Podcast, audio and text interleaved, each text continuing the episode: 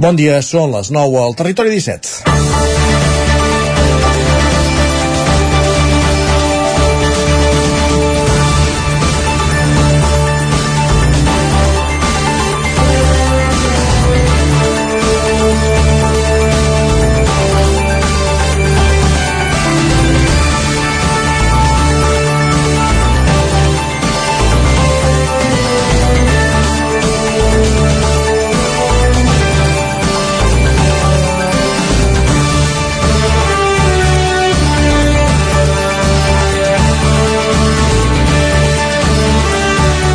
Ara ja sí, la Diputació de Barcelona, titular de l'espai des de fa 5 anys, ja ho tot a punt per tornar a obrir Sant Miquel del Fai el proper mes de març. Ahir es va fer una visita per premsa, un espai que ens aboca als ulls d'infant. Ara, en una fase zero, obrirà a tots els públics, de forma gratuïta, als caps de setmana i a grups escolars entre setmana. L'espai encara no serà visitable al 100%, es podrà fer un recorregut fins al Salt d'Altenes amb 12 punts d'interès visitables entre els quals hi ha l'església de Sant Miquel, però a les coves encara no s'hi podrà entrar. La voluntat de la Diputació és aplicar un nou model de, rec de recreatiu o cultural formant part de la xarxa d'espais de naturals de la Diputació, que amb Sant Miquel del Fai estarà formada per un total de 14 espais a tot el país. Tot plegat provoca un punt de nostàlgia, aquells que recordem, com dèiem, Sant Miquel del Fai amb ulls d'infant, amb fotografies entretallat, amb fotogrames entretallats del que seria una mena de parc temàtic natural amb salts d'aigua i coves, el que s'hi arribava després de fer una carretera molt revolts. La nova obertura serà un bon moment per canviar la perspectiva. Avui és dimecres, 14 de desembre de 2022. Comença el Territori 17 a la sintonia d'Ona Codinenca, la veu de Sant Joan, Ràdio Cardedeu, Ràdio Vic, el 9 FM, ja sabeu que ens podeu veure també a través del 9 TV, Twitch i YouTube. Territori 17.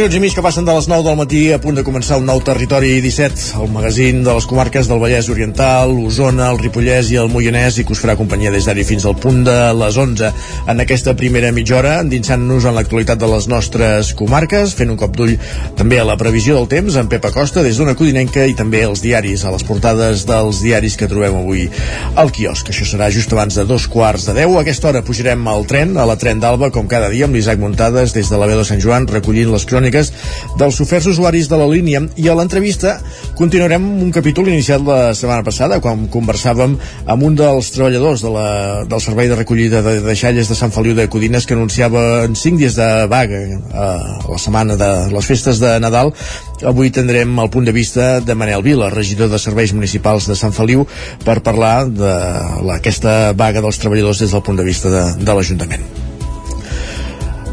Uh, més qüestions. Uh, això serà, com dèiem, just després de la pausa, dos quarts de deu, i acte seguit, després de l'entrevista, el que farem serà recuperar un nou capítol de l'Hostal de, la de la Glòria. Ja sabeu que us estem oferint aquesta proposta de radioteatre creada coincidint amb, el, amb la, el centenari del naixement de Maria Matilde Almendros, actriu manresana, i recuperant una de les obres que va fer per ràdio en el seu moment, l'Hostal de la Glòria recuperada aquest 2022 i que anem seguint setmana rere setmana aquí al territori 17. Arribarem al punt de les 10 amb música, aquesta hora ens actualitzarem serà moment també de repassar de nou la previsió del temps en Pepa Costa i anirem al territori sostenible de la mà de Jordi Givert com cada dimecres des d'Ona Codinenca. Ens endinsarem al món de Twitter com cada dia amb en Guillem Sánchez coneixerem noves propostes en català de la Cristina Enfruns i acabarem el programa al Lletra Ferits. Ja sabeu que el dimecres és el dia literari del territori 17 i avui eh, des de la veu de Sant Joan conversarem amb Santi Llagostera de Ripoll, un dels creadors de l'àlbum La Casa del Dibuixant, juntament amb Montse Muntades i Jan. Per tant, d'això, d'aquest volum, en parlarem a la recta final d'un programa que tot just ara comença repassant les notícies més destacades de les nostres comarques.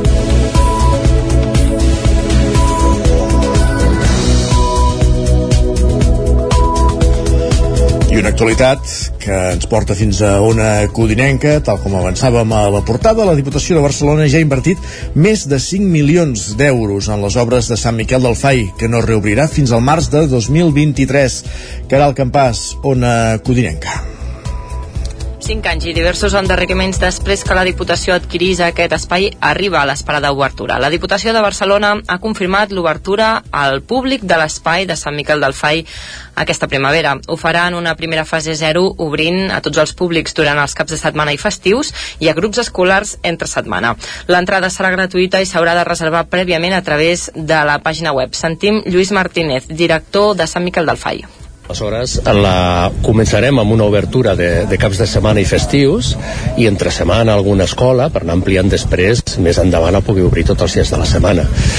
L'entrada serà gratuïta, eh, però serà necessari poder disposar d'una reserva prèvia tant eh, per l'accés amb vehicles a l'aparcament, que té un aforament d'uns 80 vehicles i dos autocars, com per la, el recinte visitable, que, que és d'unes 200 persones. L'espai, però, encara no serà visitable al 100%. Es podrà fer un recorregut fins al salt d'Altenes amb 12 punts d'interès visitables, entre els quals hi ha l'església de Sant Miquel, però a les coves encara no s'hi podrà entrar. En parla en aquest sentit la directora de Serveis d'Edificació i Logística de la Diputació, Teresa Planes. Els visitants arribaran a l'aparcament que hem urbanitzat, entrarà pel pont de la Foradada, passarà la rampa de la Foradada i podrà caminar fins al salt d'Altenes eh? just eh, tota la projecció de les principals cingleres que hi ha en el recinte. Els diferents representants de la Diputació van explicar que les obres de remodelació s'han dilatat en el temps per algunes riuades importants i per la pandèmia.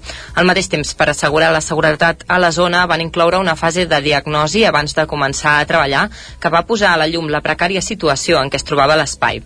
Abans d'obrir al públic, per tant, es volia garantir la seguretat fet feina, diagnosi, estudis tècnics per saber quines actuacions havien de fer, sobretot en matèria de seguretat de les cingleres perquè volem que sigui un espai segur pel visitant. Això és el que ens interessava més i la nostra principal intervenció aquí. Els treballs només s'han pogut fer de l'1 de setembre al 28 de febrer de cada any, ja que la resta de mesos coincideix amb el període de nidificació de l'àliga cuabarrada. En un futur, tot i que els representants de la Diputació han preferit no fixar dates, tenen la intenció d'ampliar els espais i els dies oberts al públic. Gràcies, Caral. Avancem, més qüestions.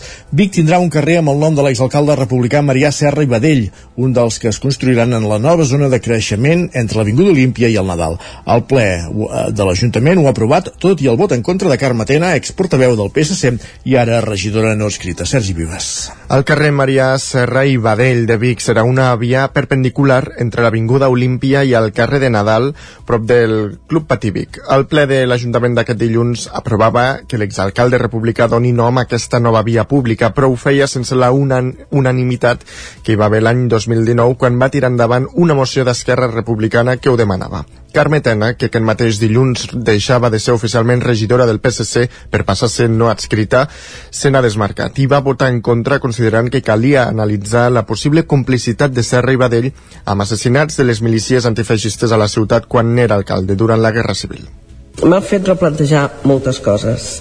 La sola idea de pensar que estic donant suport a posar el nom a un carrer a algú que pot estar pot haver estat còmplice eh, de múltiples atrocitats i tenint de sang carrers i places eh, i altres indret, indrets a la ciutat eh, això em preocupa Esquerra, Junts per Catalunya i Capgirem Vic van votar a favor de donar el nom de Maria Serra i Badell a un carrer de la ciutat. La portaveu de Capgirem, però, Carla Dinares, feia, votar, feia notar la contradicció que suposava per al seu grup donar el sí a un nou nom d'home per a un carrer de la ciutat, tenint en compte la poca presència de dones al nomenclator. També van parlar Albert Palou i Albert Castells d'Esquerra i Junts. No entro a valorar uh, la seva figura, que per nosaltres és molt respectable, uh, sinó que per nosaltres està molt bé que entrin a formar part d'una llista d'espera no? fins al dia que d'alguna manera aquesta tendència es reverteixi i llavors ja puguem seguir incorporant doncs, tots els homes que s'ho mereixen eh, igual que les dones. Nostra, com a biguetà, que s'hi va deixar la pell perquè la ciutat patís el mínim possible la cruesa de la Guerra Civil nostre com a republicà que va poder acompanyar Francesc Macià a la balconada d'aquest Ajuntament, a uns metres d'aquí, per poder proclamar una república catalana al servei de, de la gent i nostre com a militant d'un partit que al final des de la seva fundació ha lluitat sempre per les llibertats nacionals i socials de, dels països catalans. Des de la comissió de nomenclàtor s'intenta respectar totes les eh, sensibilitats de la ciutat i, i bé, per això hem arribat fins aquí amb aquesta proposta Maria Serra i Badell va ser alcalde de Vic en dos períodes, entre 1931 i 1934 i entre 1936 i 1938, aquest últim ja en plena Guerra Civil, uns anys convulsos amb molt protagonisme de les milícies antifeixistes, l'exercici real del govern local. El 1939 es va exiliar primer a França i després a Mèxic. Més qüestions eh, després d'aquesta informació del ple de l'Ajuntament de Vic d'aquest dilluns us expliquem també que la unitat canina de la policia local de Ripoll ha fet tres decomisos de droga durant el pont. Isaac Muntades des de la veu de Sant Joan. La unitat canina de la policia local de Ripoll continua donant molt bons resultats als agents d'aquest cos. La nit de dimarts a dimecres, coincidint amb el pont de la Puríssima, es va fer un nou control on els agents van fer tres decomisos de droga. Es va detectar una prova d'alcoholèmia positiva en un conductor i una altra positiva en cocaïna i també es va detectar una ITB caducada. Des de les xarxes socials del consistori es va informar que de cara a les festes de Nadal es tornarà a disposar de la unitat canina per continuar fent controls. Cal recordar que l'estrena de l'agent caní es va produir al setembre de l'any 2020, en plena pandèmia del coronavirus. En la prova pilot es va fer una operativa de matinada en què el gos va patrullar amb la policia local i els Mossos d'Esquadra per buscar drogues i es va fer un aixecament d'un acte per la troballa d'una bossa de marihuana. Aquests són els objectius d'aquesta unitat canina segons la regidora de Seguretat Ciutadana, Dolors Vilalta. És un element que tenim de més de la seguretat ciutadana i a més en aquí se li vol donar dos vertents. Un el tema de seguretat ciutadana i l'altre doncs també amb el tema de civisme, convivència, el fet de fer una campanya doncs, de dir quins són els perills de consum de drogues. Vilalta deia que un dels objectius d'aquesta unitat canina és la prevenció per evitar el consum de drogues. Per això es va potenciar el rastreig davant dels centres educatius i dels punts de venda, que no només operen a les nits. I del Ripollès al Vallès Oriental perquè Granollers adjudica la instal·lació de 22 càmeres de lectors de matrícules de l'illa de Vianants, Pol Grau, Ràdio Televisió Cardedeu. L'empresa Som Control i Seguretat s'ha adjudicat el contracte per a la instal·lació de 22 càmeres de videovigilància i lectura de matrícules, que controlaran l'accés de vehicles a carrers de l'illa de vianants o carrers de prioritat invertida o la circulació està restringida als veïns. Som Control i Seguretat ha presentat una oferta de 403.000 euros per fer la instal·lació dels equips en pocs més de 3 mesos. Redueix un 14% l'import que havia establert l'Ajuntament en el procés de licitació dels treballs. Només dues empreses van presentar-se al concurs públic. L'actuació es finança amb fons Next Generation de la Unió Europea en el marc de les ajudes per implantar zones de baixes emissions a les ciutats. Aquests punts de control s'afegiran a les càmeres de lectors de matrícules que ja hi ha als principals accessos viaris de la ciutat. Les càmeres de videovigilància i lectura de matrícules permetran el monitoratge i control dels accessos de l'illa de Vianants a Granollers per a la millora de la seguretat ciutadana i el trànsit.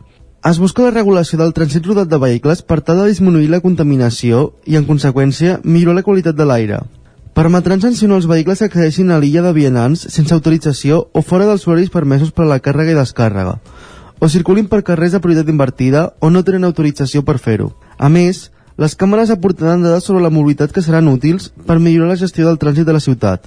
En alguns punts, el projecte es completa amb la instal·lació de pivots mòbils que permetran tancar els accessos i deixar accedir només als vehicles autoritzats. Més qüestions. El grup de defensa del terra assegura que la taula per la gestió sostenible de la ramaderia d'Osona és un espai que no busca solucions, sinó que fa que el sector industrial del porc pugui seguir creixent, Sergi. El grup de defensa del Ter anunciava dilluns en roda de premsa la seva sortida de la taula per la gestió sostenible de la ramaderia d'Osona. Ho feia pintant de color verd la figura del porcater que presideix des de fa anys la plaça 1 d'octubre de Vic. Joel Vidal va ser l'encarregat d'anunciar-ho. El grup de defensa del Ter deixem la taula de purins. Prou maquillatge verd al sector porcí. Aquí no hi pintem res una posada en escena que va servir al grup per denunciar el greenwashing o el que és el mateix, el rentat de cara verd que la taula que ara deixen, diuen, està fent el sector industrial del porc de la comarca. Una taula que va néixer amb l'objectiu de fer compatible el sector ramader amb la gestió sostenible del territori i que compta amb representació dels sindicats agraris, administracions públiques i altres agents polítics i empresarials de la comarca a qui assenyalen directament. Joel Vidal.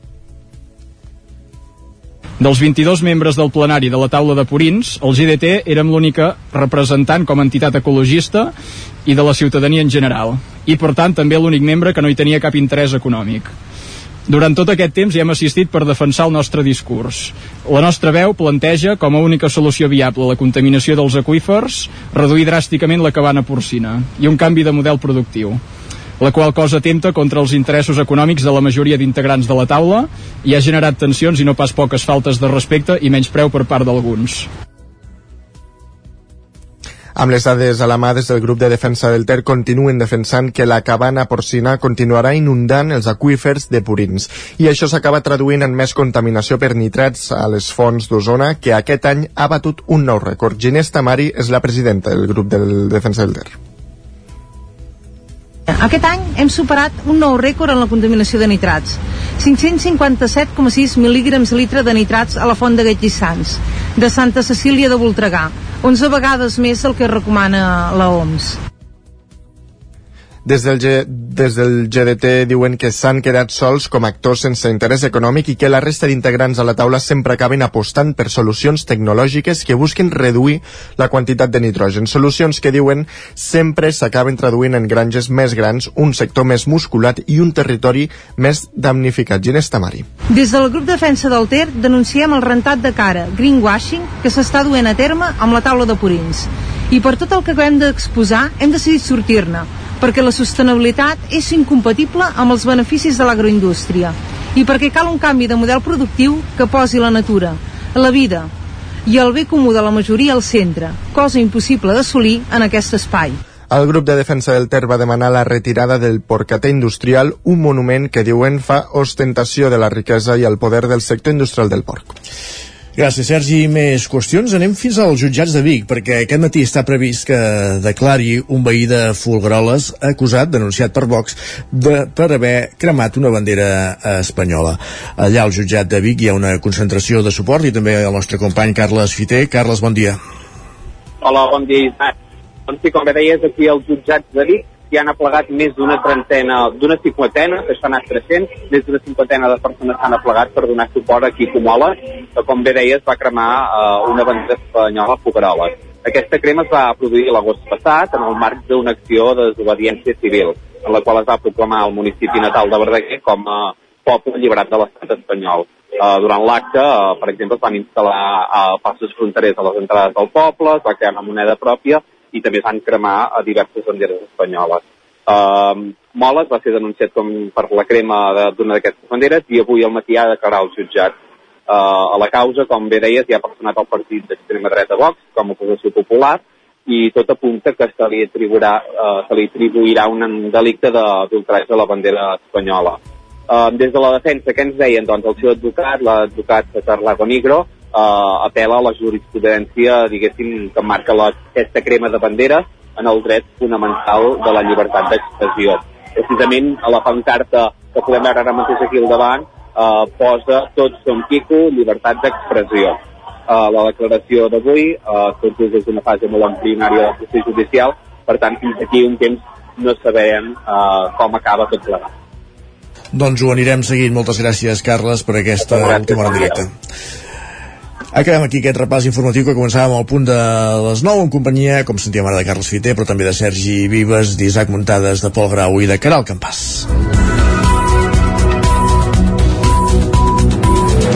I el que fem ara és anar a conèixer la previsió del temps.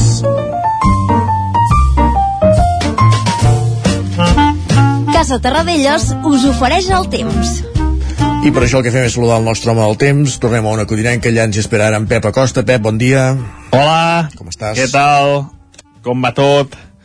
Espero que vagi bé la setmana la l'antepenúltima setmana de l'any espero que tot bé eh, que vagi avançant eh, pel que fa al temps estem contents eh, jo estic molt content per fer una setmana amb pluja eh, ja tocava eh, és una, una molt, molt, molt bona notícia. Hi ha llocs, hi ha algun lloc que portem ja uns, uns 50-60 litres acumulats eh, aquesta setmana, per tant, notícia molt, molt positiva. Eh, es nota en els boscos, es nota en els camps, i es nota també ja en petits eh, en petits cursos fluvials eh, ni molt menys a grans cursos fluvials, tampoc als grans embassaments, no, no es nota gens aquesta, encara aquesta, aquesta puja que va arribant, però bueno, millor això, eh, lògicament, que cap cota. Aquesta passada nit i la tarda, nova, nova pertorbació que ens va creuar, ens ha deixat puixes entre els 5 i els 10 litres la majoria, eh, llàstima que no ha deixat una mica més de litres, però ha deixat més litres que no em pensava. Per tant, molt bona notícia. La neu molt, molt amunt, eh, ha nevat poc i molt, molt amunt, a 2.200-1.300 metres, i és que tenim una massa d'aire força suau a sobre, unes temperatures mínimes de majoria per sobre dels 5 graus, eh, molt poques glaçades, només a molt alta muntanya, valors de 1 o 2 sota 0, però a més de 2.000 metres d'alçada, per tant, un ambient molt, molt suau. I avui, en principi, no plourà. No plourà durant tot el dia. Això sí, tenim un dia de, de, de, for, de, de força núvols, de núvols, clarianes, una mica de sol, i mica en mica es tornaran tapant. Eh, no acaben de... no acaba de fer net, ens van creuant aquests fronts atlàntics i però avui el que ens visitarà serà de cara a la nit i matinada. Mm, Durant tot el dia, en principi no plourà, i serà a la nit i matinada quan tornarà a creuar-nos un front atlàntic. Novament, pluges entre el 0 i els 10 litres. Molt bona notícia perquè anirà, regant, aniran sumant litres i anirà fent que els boscos, eh, camps, eh, rieres es vagin recuperant mica en mica, que és molt, molt, molt important. Les temperatures màximes novament suaus, eh, superiors als 10 graus a totes les comarques, fins i tot superiors als 15 graus en bastantes poblacions, eh, una mica bastant més altes de les normals, i és que aquests fronts atlàntics ens aporta vent d'oest, eh, de sud-oest, que fa que la temperatura sigui més alta del normal. I el d'aquesta nit i matinada eh, serà segurament l'últim front d'aquesta setmana a partir de demà i divendres hi ha situació eh, més tranquil·la, això sí, amb una baixada important de les temperatures. bueno, m'avanço, però ja ho anirem actualitzant, lògicament, els pròxims dies. Moltes gràcies i molt bon dimecres. Gràcies, Adéu. Gràcies a tu, Pep. Parlem d'aquí una estona. Prenem nota de tots els que ens has dit. Casa Tarradellas us ha ofert aquest espai. I del temps cap al quiosc. Moment de saber, Sergi, què diuen avui les portades dels diaris. No sé si pren molt protagonisme aquesta classificació de l'Argentina pel Mundial del Qatar i, entre d'altres qüestions. Efectivament. Efectivament. Doncs el punt avui encapça la portada amb el titular Codi Penal a la carta. Expliquen que el Congrés de derogarà demà la sedició i rebaixarà la pena per malversació. També expliquen que la Moncloa rebutja fer el referèndum del 55%. I sota el titular ple de solemnitat expliquen que el Parlament celebra 90 anys d'aprofundiment de la democràcia i la llibertat. I per altra banda expliquen que Gemma Ruiz, Palà, guanya el Premi Sant Jordi. Ahir es van donar a conèixer els premis de la nit de Santa Llúcia d'Òmnium. El periòdico destaca que la ciència costa el somni d'una energia neta i inesgotable. També expliquen que Messi acaricia el final feliç, això sobre el partit que va guanyar ahir l'Argentina contra Croàcia, i també destaquen, segons Mercabarna, la dorada, el lluç i la gamba són alguns productes de consum nadalenc que costen menys que el 2021. I per altra banda expliquen que només un 3,5% dels avis catalans tenen un cuidador públic a casa. La Vanguardia destaca que l'ofensiva legislativa de Sánchez avança malgrat les fractures a l'esquerra. També expliquen que científics eh, produeixen energia neta de la fusió nuclear. Destaquen també la destitució d'Eva Kaili com a vicepresidenta del Parlament Europeu per falta greu, bueno, per falta greu per corrupció. I diuen també que Messi tindrà una altra gran oportunitat diumenge per proclamar-se campió del món i igualar la gesta de Maradona. L'ara, sota el titular de 5 dies de permís pagat a l'any per cuidar fills i pares, expliquen que la nova llei de famílies comportarà més permisos i una renda de criança de 100 euros. També expliquen que Mercabarna preveu un Nadal amb més vendes tot i la pujada de preus. Nadal amb més vendes a Mercabarna? Doncs va, a veure si l'encerten també. Anem cap a Madrid. El país destaca que eh, l'assaig amb èxit de la fusió nuclear obre una via a l'energia inagotable. També diuen que el Parlament Europeu destitueix a la vicepresidenta que va cobrar de Qatar. Per altra banda, anuncien que el govern espanyol descarta un referèndum a Catalunya com el que demana Esquerra. L'ABC destaca que el president de Castilla-La Manxa carrega contra Sánchez per pactar amb delinqüents i també expliquen que s'ha fet un pas històric cap a l'energia neta, barata i inagotable. Expliquen que científics estata- estatunidencs aconsegueixen generar més d'un 50% més de la utilitzada per obtenir la fusió nuclear, un dels assoliments, diuen, més impressionants del segle XXI. I aquí veiem una fotografia de Marvin Adams de l'Administració Nacional de Seguretat Nuclear agafant un cilindre semblant a l'utilitzat als laboratoris. Uh -huh. El Mundo destaca que Anticorrupció alerta d'una revisió en cascada de penes. Aquestes, diuen, són les conseqüències de la rebaixa de la malversació. També expliquen que el PP reuneix a feministes clàssiques del PSOE contra la llei trans. I a Perú expliquen que els seguidors de Castillo rodegen la presó on està pres amb càntics de o l'alliberen o revolució. I per altra banda expliquen que Messi dirigeix a l'Argentina cap a la final del Mundial. I aquí veiem en una fotografia que ocupa la portada d'avui a Messi rebent felicitacions dels seus companys. Com no, un partidàs ahir de, de Leo Messi. I la Razón destaca que els juristes alerten que el retoc de la llei del sí és sí no evita rebaixes. També expliquen que Page esclata contra la malversació light diu que, que el moment és greu. I, la, I en relació al Qatargate expliquen que l'Eurocambra mm, destitueix a la vicepresidenta Kylie i eh, segueixen els registres a Estrasburg. També expliquen que la falta d'acord entre les diferents comunitats autònomes complica la nova selectivitat. I per acabar, sota una fotografia on veiem una abraçada de Messi amb els seus companys de selecció, diuen que l'argentí està una mica més a prop que de Maradona. Li falta guanyar un partit que es disputarà diumenge a les 4 de la tarda i encara no té rival. Se Ah, això aquesta nit de, de la semifinal entre el Marroc i França. Ho hem de deixar aquí, Sergi. Arriba el moment de la pausa. 3 minuts i tornem aquí al Territori 17. Fins ara mateix. El nou FM, la ràdio de casa, al 92.8. Cobertes serveis funeraris. Els nostres tanatoris estan ubicats en els nuclis urbans més poblats de la comarca d'Osona per oferir un millor servei. Tanatori de Vic, Tanatori de Manlleu, Tanatori de Centelles i Tanatori de Roda de Ter. Sabem que són moments difícils i per això el nostre compromís és atendre-us en tot moment amb un tracte humà, sensible i respectuós. Cobertes serveis funeraris. Telèfon 24 hores 93 883 23 46. Amb Pradell estalvio energia i cuido la meva butxaca i el medi ambient. Posa't en mans de Pradell. Són experts en calderes de gas i condensació, estufes de pèl·let, energia solar, terres radiants, geotèrmia i aerotèrmia. Pradell instal·la calderes de biomassa per a particulars i per a empreses. Si vols estalviar un 50% en consum, contacta amb Pradell i passa't a les energies renovables. Pradell som a l'Avinguda Països Catalans 27 de Vic. Telèfon 93 885 1197. Pradell.cat. Us desitgem bones festes. Has esperat que arribi el fred per comprovar si et funciona bé la caldera? No pateixis, a Casa Jové som especialistes en manteniment, reparació i revisió d'equips d'aigua calenta i calefacció, tant en l'ambient domèstic com industrial. Si tens una avaria, no ho dubtis. Som Casa Jové. Ens trobaràs al carrer Girona, número 9 de Vic, i al telèfon 93 886 1596.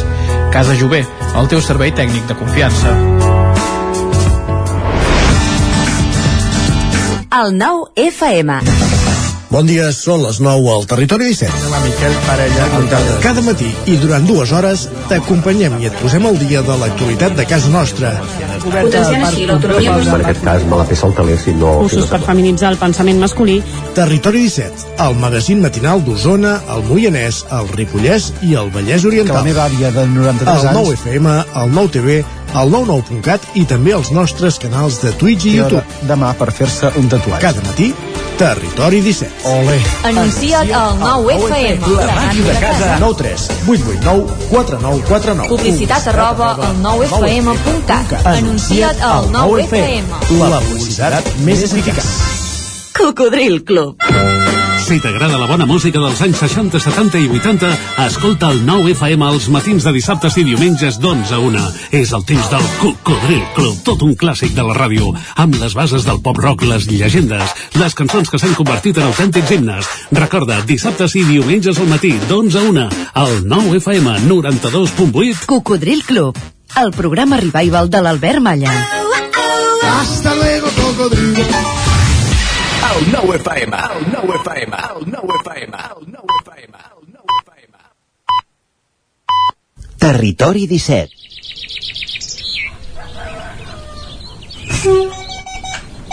A Tren d'Alba.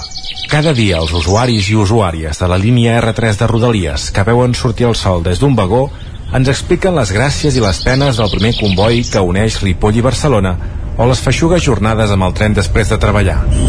Benvinguts a Tren d'Alba. Doncs avui m'agradaria fer la primera part d'un fil força interessant de l'enginyer tècnic d'obres públiques Arnau Comajoan, que ens parla sobre la nova estació de Sant Andreu, que com sabeu ha obert portes aquest dilluns. D'entrada, Comajoan diu que s'hi nota una millora funcional de la infraestructura i que el mural de la paret de davant l'andana és espectacular, però també hi veu aspectes millorables i curiosos. Per començar, Comajoan diu que entre fer un túnel entre estacions i no indicar la correspondència hi ha un bon tros. A dins de l'estació assegura que no hi ha cap referència al metro i fora de l'edifici no s'hi pot veure cap indicació fins a arribar davant de l'edifici antic. En el sentit invers passa tres quarts del mateix. El metro que indica per anar a Rodalies diu que cal sortir per plaça Orfila, però un cop allà no hi ha cap indicació de l'itinerari pel carrer. De fet, al carrer del Pont ni tan sols surt el plànol de l'entorn de transport metropolitans de Barcelona. Bé, sí que n'hi ha una, diu. Un paper enganxat a un fanal amb celo. Va, ens retrobem demà amb més històries del tren i de la R3. Gràcies, Isaac. Demà més històries del tren. Ara un punt d'última hora és que, segons hem pogut saber, en aquests moments hi ha obert una operació, un escorcoll de la Policia Nacional, del Cos Nacional de Policia,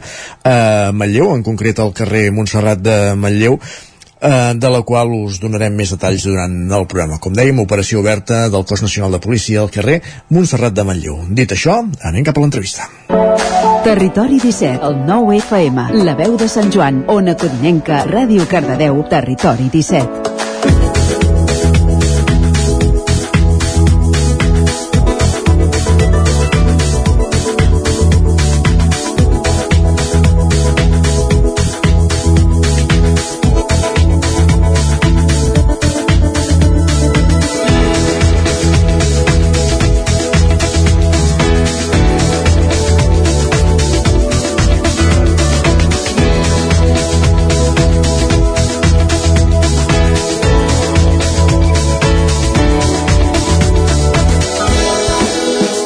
Els treballadors del Servei de Recollida Selectiva de Sant Feliu de Codines, us ho explicàvem la setmana passada, han convocat 5 dies de vaga, del 25 al 30 de desembre.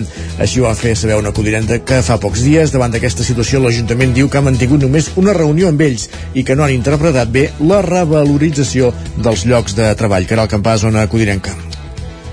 Sí, bon dia. Um, per conèixer doncs, uh, i tenir la veu de, de l'Ajuntament del Consistori de Sant Feliu de Codines, um, tenim amb nosaltres a Manel Vila, regidor de Serveis Municipals. Bon dia, Manel. Hola, bon dia. Els sis treballadors del Servei de Recollida de Deixalles denuncien una retallada del sou arran d'un canvi de conveni, diuen. Què, què hi dieu des de l'Ajuntament? Bueno, diem que mm, retallada de, so, de sou no, no han tingut. Diem, el, el que s'ha fet és una que feia com 12 anys que no es feia a l'Ajuntament, una nova relació de llocs de treball amb la seva corresponent valoració, eh, que el que fa és aquests, aquests treballadors que venien d'un altre conveni eh, posar-los en l'estructura salarial de l'Ajuntament. Eh, és un, és un procés jo he, he sentit que deien ens han una, és un estudi fet i cuinat per ells i ens han dit aquí ho teniu. No, és un procés que ha durat dos anys que s'ha negociat amb tots els, amb els delegats sindicals de l'Ajuntament hi ha participat comissions obreres i UGT i tothom l'ha validat. Uh, per posar un exemple eh, els treballadors de les bessures aquest primer mig any del 2022 han, han, han seguit treballant amb el, amb el conveni o, o amb la manera antiga i el segon mig any amb la manera nova. La dada que puc donar és el total de tots perquè al final sortirà al portal de transferència el salari brut eh, tenint en compte tots els complements de nocturnitat, etc que tenien abans el primer mig any han sigut uns 69.000 euros i del segon mig any se'n va a 78 i pico digues, retallat, retallat no és, és cert que a la nòmina no tenen una ratlla que posa complement de nocturnitat tants diners, el complement de diumenge tants diners. Però el total si fa, si fa no fa és, és el que tenien. Aquest és un dels esculls que es plantejaven, precisament aquest que ara comentaves, que fins ara, quan treballaven festius, es compensaven en dies laborables eh, de festa o cobrar-ho amb plusos i el nou conveni això canvia, diguéssim, queda integrat a la nòmina, entenem. Uh, no, no ben bé, eh? diguem, amb la nòmina queda, queda integrat el plus de nocturnitat, diguem, per exemple, eh, els que porten el camió gran, pues, un mes, un torn era eh, treballat tot de les nits i el següent mes era treballar quasi bé tot de matins i alguna nit. Llavors, el mes que treballaven totes les nits tenien un complement de nocturnitat molt alt i el següent tenien un complement de nocturnitat molt baix. Ara, eh, no sé, per posar un exemple, eh? El mes que treballaven tota la nit eren 400 euros i el següent eren 150. Pues doncs tenen un cada mes de 250 o 300 i sempre és el mateix. Uh -huh. vale, els, els festius sí, sí que, entre cometes, va a part, eh, que és l'altra reivindicació eh, de, de les hores extres.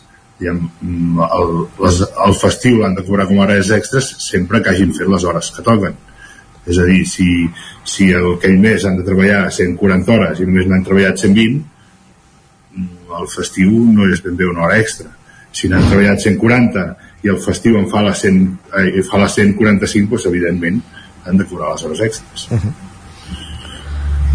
Per tant, comentaves eh, que aquest canvi de conveni es deu a aquesta nova relació de llocs de treball públics, no? que feia molts anys que estava endarrerit aquí a Sant Feliu. Sí, feia molts anys com que no es feia, i amb una relació de llocs de treball no deixa de ser eh, el que diuen que faran al Barça, eh? una, una escala salarial que segons les categories de cadascú, les penositats horàries, es valoren moltes coses, la responsabilitat que tens, eh, la, la disponibilitat, etc i es fa una escala salarial eh, dels diferents llocs amb les diferents categories i diguem, és, és una manera d'ordenar eh, els salaris de l'Ajuntament. Parlar una mica de, de sensacions, no? perquè abans ho comentaves que els treballadors deien que no s'han sentit escoltats, en aquest cas els treballadors del servei de, de recollida de, de deixalles, però per, per contra tot el que és el procés d'aquesta nova relació de llocs de treball ha, de llocs de treball ha durat dos anys entenem que durant aquest període és quan s'han internalitzat aquests llocs de treball que abans venien d'una concessionària i que potser és aquí on hi ha la falta d'informació o el desconeixement per part d'ells. Uh, Sí, suposo que sí. Nosaltres també vam agafar aquest procés, va començar el 2019 amb l'antic alcalde, vam agafar, almenys jo m'hi vaig afegir a la meitat, el primer, la primera part m'ho vaig perdre una mica, però sí, s'han anat fent... Sí, sí que no s'han fet reunions amb tots els treballadors, em amb tots els treballadors durant aquests anys s'ha fet una o dues.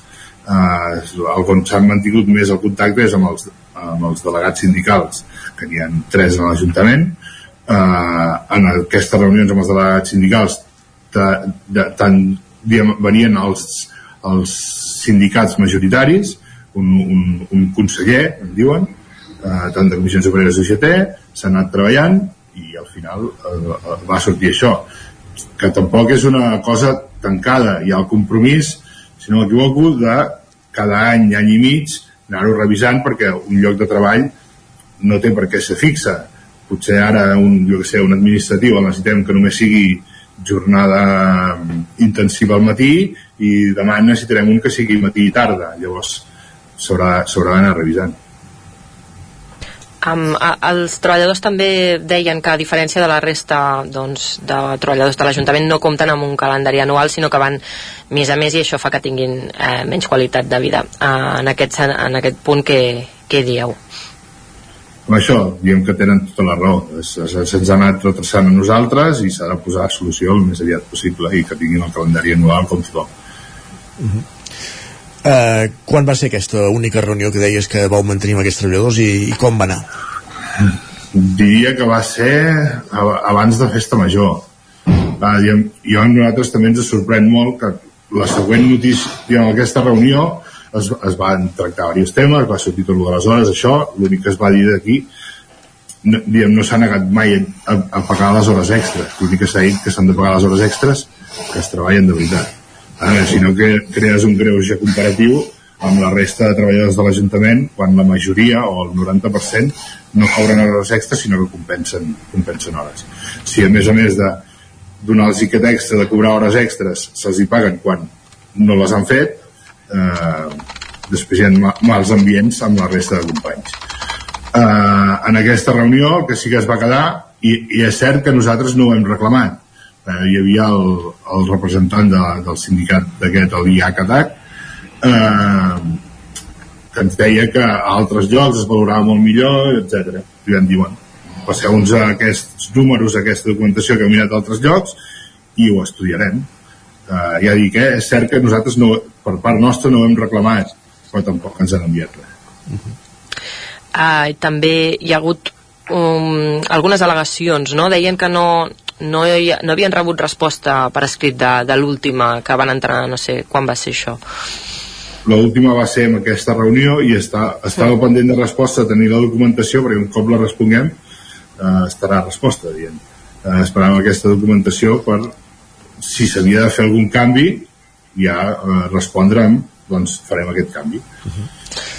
ja dic, eh, també segurament és culpa nostra de no haver-la reclamat però no ens han enviat res del 25 al 30 de desembre ja convocada aquesta vaga, confieu que hi haurà algun canvi hi pot haver alguna trobada, alguna reunió algun acostament de posicions perquè s'aixequi aquesta convocatòria? I jo espero que sí. Jo és, és eh, el que comentàvem també amb, amb la Caral al programa el, el dilluns. Jo no sé si fins i tot no han acabat d'entendre el que van demanar. A part de mm, convocar la vaga van demanar un, una conciliació vale? perquè hi hagués diguem, un tercer per posar pau. Llavors nosaltres el que vam fer els, aquests primers dies que també va ser una setmana complicada que era un dia de treballar, un dia de festa i molta gent feia pont eh, que el, el tribunal aquest ens convoqués per lo que ens havien dit havia de ser una convocatòria molt ràpida de dilluns per dimarts eh, no ens han convocat fins al dia 20 llavors quasi segur que aquesta setmana intentarem ja fer una reunió una primera reunió, aviam si apostem postures i si no, el dimarts que ve que és dia 20, supos esperem eh, poder-ho solucionar Caral, una última pregunta? Bé, no, en principi, si no, Manel no, no vol afegir res més, jo crec que està bastant aclarit. Perfecte, doncs Manel, moltíssimes gràcies per atendre'ns. La setmana passada parlàvem amb un dels representants d'aquests treball, treballadors i avui agraïm haver tingut aquesta resposta per part de l'administració per, per contextualitzar exactament la, la situació d'aquesta convocatòria de vegada al servei de recollida de, selectiva de deixalles a Sant Feliu de Codines. Recordem una convocatòria que està ara mateix eh, vigent pels dies entre el 25 i el 30 de desembre veurem però si, si en aquestes setmanes, en aquests dies que queden hi ha negociacions i, i s'arriba a un acord que, que aixequi aquesta vaga gràcies per atendre'ns Manel Vila, regidor de, de Sant Feliu de Codines gràcies a vosaltres i si jo sí que espero que, que arribem a un acord i no, ningú hagi vaga Gràcies també, Caral, un dia més. Fins ara. Merci, fins després. I avancem nosaltres al territori 17, després d'aquest punt d'actualitat que ens arribava des de Sant Feliu de Codines avui a l'entrevista. El que farem serà dedicar-nos a, a la ficció, com fem cada dimecres. Primer va ser amb el concurs de relats curts de, del Premi de Narrativa Curta La Gralla el 9-9 amb la fundació de, amb, la, amb el suport de la institució Puig Porret i en les darreres setmanes és amb l'Hostal de la Glòria, aquesta obra dramatitzada que s'ha fet amb motiu del centenari del naixement de Maria Matilde Almendros, l'actriu manresana. Tot seguit, un nou capítol aquí, al Territori 17.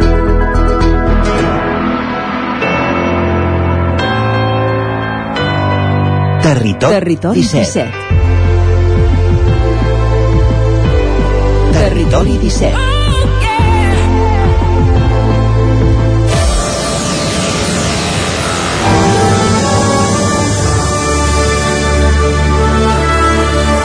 L'Hostal de la Glòria, poema dramàtic de Josep Maria de Sagarra en adaptació per a radioteatre de Carles Claret Vilaseca.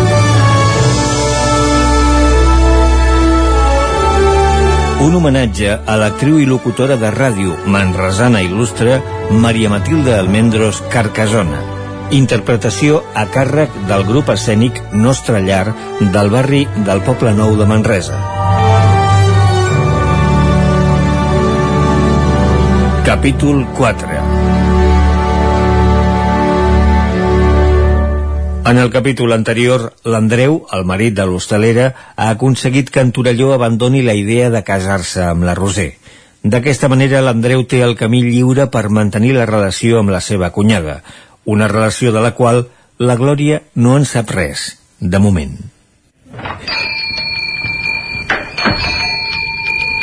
Ai, Torelló, ja sou aquí.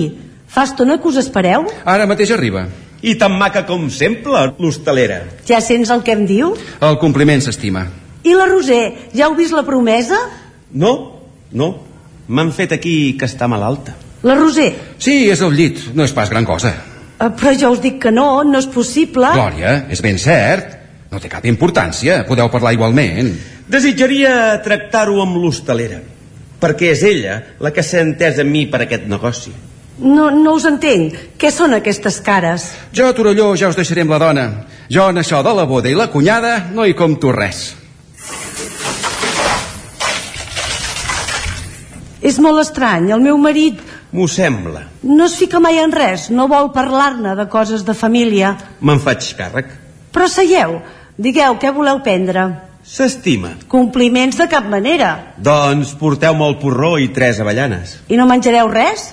Poc que tinc gana. Esteu molt ensupit. És clar. Veníeu per veure la Roser i acabar els tractes, per fixar el dia. Ja heu comprat les joies? Les havia comprat. Però què us passa? El meu marit. No, no. No hem parlat gota. Doncs aleshores, Torelló... Hostalera... Jo sóc un home... Què us diré? Molt home. I encara que un, doncs, un va per les seves i es fia de ben poc. A casa vostra m'hi duia un sentiment. Vostra germana feia per mi. I després, doncs era maca. Naturalment que sí. És una gran noia. No ho dic perquè siguem de la família. Però després... Que n'heu tingut cap queixa. Què voleu dir-me? Que us feu enrere? No, no trenco el compromís. No, no, enteneu-me. Però no vull que corri tan de pressa. Vull pensar-m'hi una mica. Hi ha certs dubtes. He parat les orelles a plaça i un, abans de lligar-se per la vida, compreneu? Sospiteu de ma germana? Què n'heu de dir? Que no és una noia seriosa. Heu fet cas de tres llengües miserables. On som? Aquí. No us enfadeu, mestressa. No us ho prengueu així. Ja sou un home. Un home de debò. La veu, li parla, s'hi torna boig i diu que vol casar-s'hi. Ella hi consent. Es tracta amb la família i ara, després, surt amb, amb, amb buts històries. Què us ha passat? Potser vaig engrescar-me. És cert que la noia m'agradava molt, però és allò. He parlat amb les solteres, m'he repensat un xic. Vos sou un enze. Us dic que hi ha raons que me les callo. Raons. Raons. Ja en teniu prou d'excuses. Us hi caseu o no? No pas, per ara. Està bé, Torelló. I ella com queda? Ja ho sabeu que amb les dones no s'hi juga. Tothom està al corrent d'aquesta boda. Ja n'ha parlat tothom. I ara, desfeta. I desfeta per què? Doncs perquè el nuvi ha dit que té raons que se les calla. No compreneu que això la perjudica, que això és donar profit a males llengües? Bé, prou, mestressa. Vos teniu moltes ganes de casar-la, de treure-la d'aquí. Vos sou molt viva. Ah, no.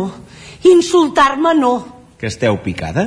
Que és que potser tinc aires del cabota? Jo no he dit tant. Si no heu dit tant, ho sembla. Mireu, aquesta casa és molt estranya. Ja no en crec ni la seva malaltia ni altres coses. Digueu-me, quines coses... Sí que esteu canviat. Quina mentida us han xiulat a dintre les orelles. Deixem-ho córrer. Oh, sí, deixem-ho córrer. Avui esteu un xic acalorada i n'enraonarem un altre dia. I ara us dono un consell abans d'anar-me'n. Consells de vos? Consells fins del dimoni. Escolteu, a Ripoll venen baldufes. Vull dir que es diu, es conta i es comenta. Jo no faig cas de res, però apunteu-vos-ho. I el consell és aquest. Vista i orelles. Més val que no aneu tant a casa el jutge i vigileu molt més a dins de casa.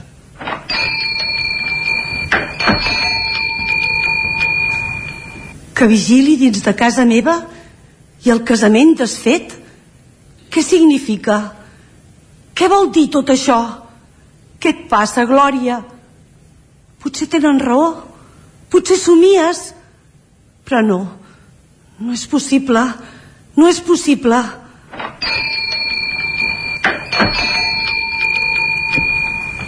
Ai, gandul del dimoni. Ara treballo.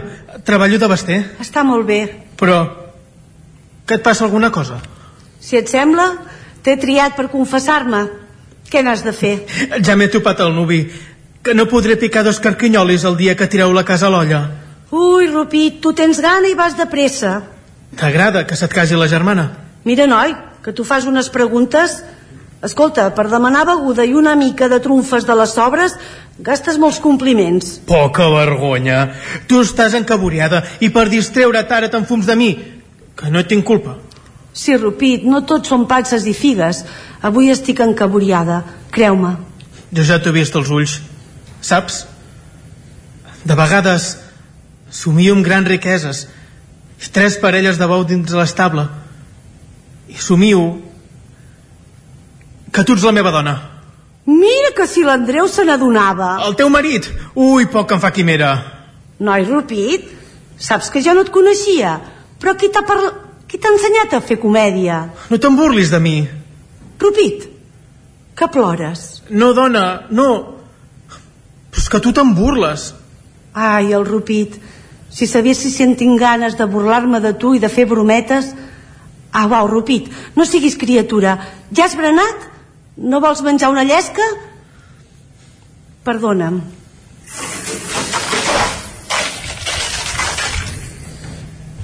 També t'entretens amb aquest simple? No deixa res per ver la meva dona. Andreu, No, no, ves fent. m'avergonyeixes. Que potser has begut més del que fa el compte? Què passa en aquest hostal? Això pregunto. A mi? No, dona, no. Si el que t'he dit és broma, però és que tu, com que ets tan beneita, escoltes a tothom i de vegades, doncs, es troba a faltar alguna forquilla. I aquest marrec i altres marrecs. Jo, lladre! Tu, lladre. Em faràs creure que les prunes que dus i la fruita potser la pagues? I aquí no hi tens cap feina. No, no t'enfadis. Per què romanceges? Au, de pressa! Sí, ja me'n vaig. Però et diré una cosa. Au, vés-te'n!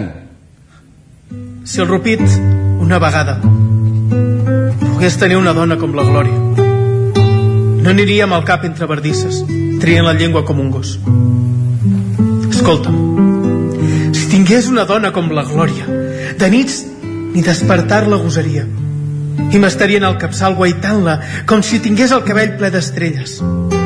I em pensaria que jo sóc un home que té la millor dona de la terra i no m'escaparia una paraula ni un pensament que la pogués ofendre. I això t'ho dic perquè tu em deies lladre. I sàpigues ben bé el que jo faria si tingués una dona com la Glòria.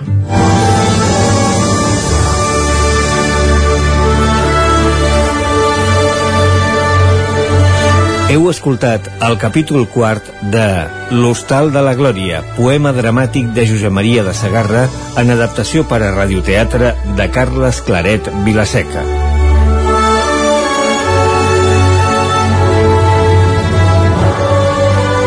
Un homenatge a l'actriu i locutora de ràdio manresana il·lustre Maria Matilde Almendros Carcasona. Interpretació a càrrec del grup escènic Nostra Llar del barri del Poble Nou de Manresa. Direcció a l'espectacle Jordi Gené Soto. Control tècnic i efectes sonors Brigitte Barea i Toni Martínez. Realització Marta Ripollès i Sergi Lledó. Repartiment Glòria Teti Canal Andreu Joan Domènech Roser Maribel Montardit Jutge Forcadell Jordi Gené Angeleta Irene Mas Senyora Flora Dolors Garzón Senyor Ventós Jaume Puig Torelló, Xevi Blancafort. Gertrudis, Marisa Cots. Santaló, Lluís Nassarre. 7 per 8, Albert Bagués. Narrador, Carles Claret. Presentadors, Eduard Font i Tània Rodríguez.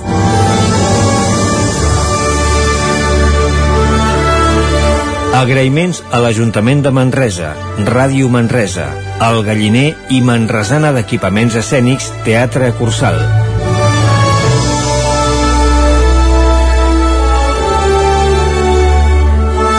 Idea original de Pilar Gonyi. Realització radiofònica Didac Boza.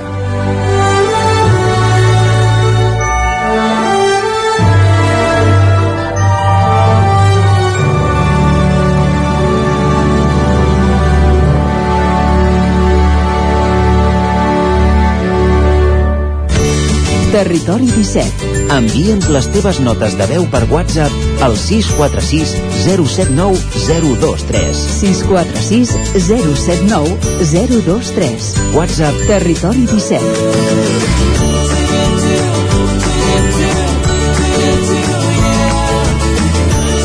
Territori 17. Som a Facebook, Twitter i Instagram amb l'usuari Territori 17.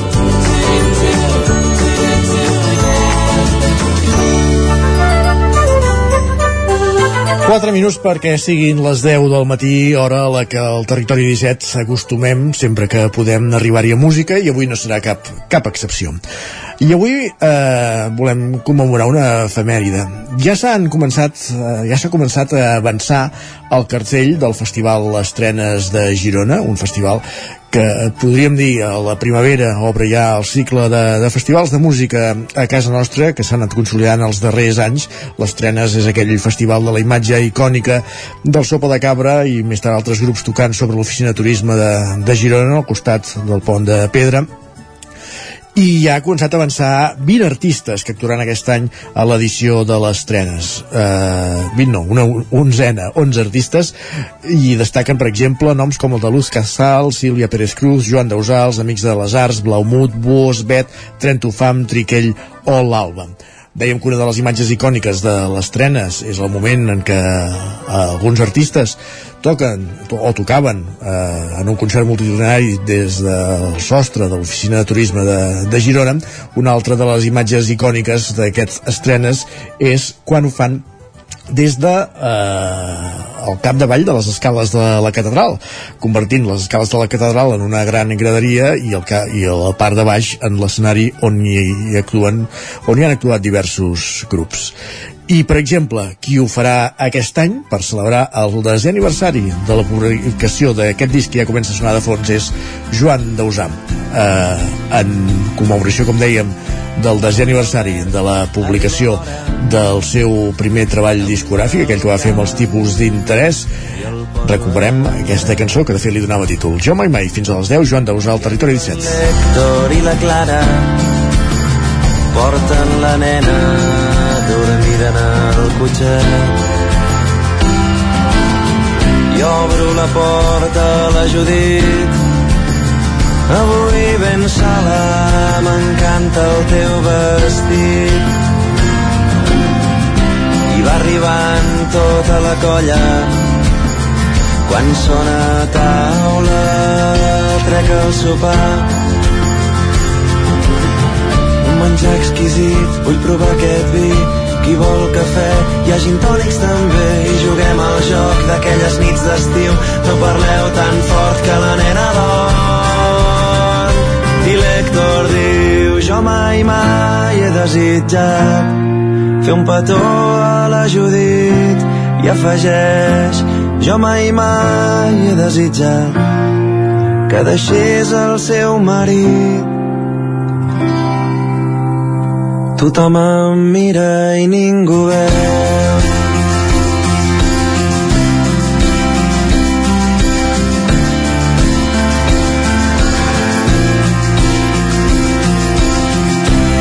aquell dard emmetzinat se m'ha clavat al cor i ho reconec i faig un glob. I veig que tots riuen de cop però la Judit aixeca el got. Em mira i diu, jo mai, mai no he pensat que seria més feliç al teu costat. Jo mai, mai no he pensat que seria més feliç al teu costat. I jo em congelo i ella veu.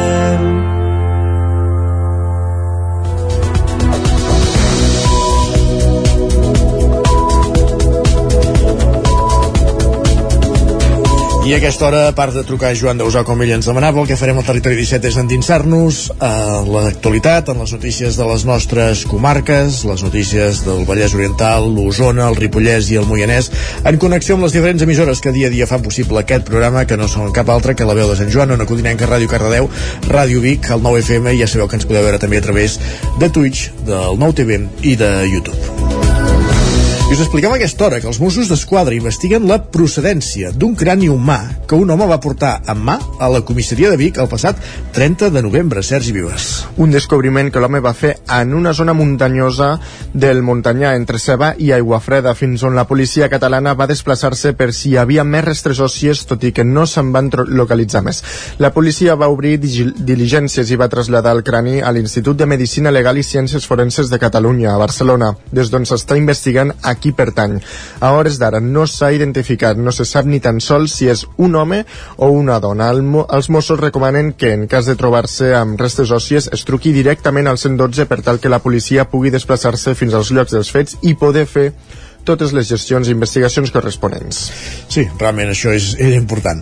Gràcies, Sergi. Anem cap al Ripollès. El model de cap al Ripollès, com dèiem, perquè la Comissió d'Educació dona llum verda a la construcció de la segona fase de l'Institut Escola Mestre Andreu de Sant Joan de les Abadesses. Isaac Muntades, la veu de Sant Joan.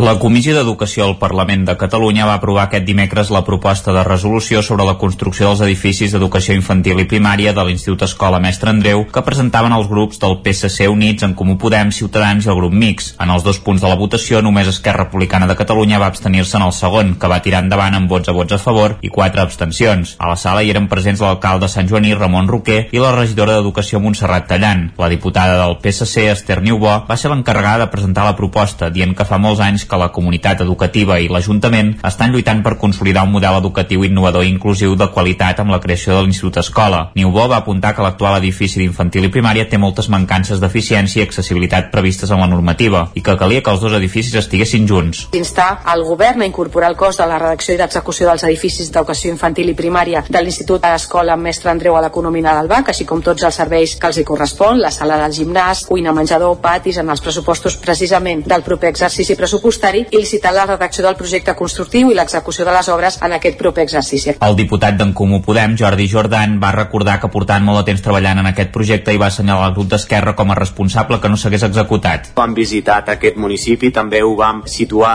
a l'acord de pressupostos de l'any passat de la Generalitat, però la realitat és que el govern no està complint i no està fent tot allò que és necessari per a que realment avanci una demanda tan important en aquest sentit. El diputat de Junts per Catalunya, Francesc Ten, va dir que els agradaria haver signat la proposta i que s'havia d'executar el projecte amb urgència. I és una injustícia que no hagués estat acabat en el seu moment. Un institut escola segregat no té cap mena de sentit ni urbanístic ni pedagògic, justament. Potser el que dona més sentit a un institut escola és la unitat, tot el seu currículum, de tota la seva escolarització. Mònica Palacín, d'Esquerra Republicana, va explicar quina era l'esmena que proposaven. una mica calendaritzar o objectivar o fer de manera realista quina manera el departament pot entomar aquest projecte de Sant Joan de les Abadeses i vam posar en un termini no superior a dos anys, acollint-nos també a un element i és aquest diàleg amb el departament, aquest compromís, el compromís pres per poder posar en el pressupost del 2023 no? una part de les accions o de les actuacions al centre Palacín deia que també hi havia altres centres de la província de Girona, com per exemple el de Vilafant, que tenien necessitats similars. Jordan va contestar-li que no acceptaven l'esmena perquè era un intent de no complir el compromís i allargar el projecte.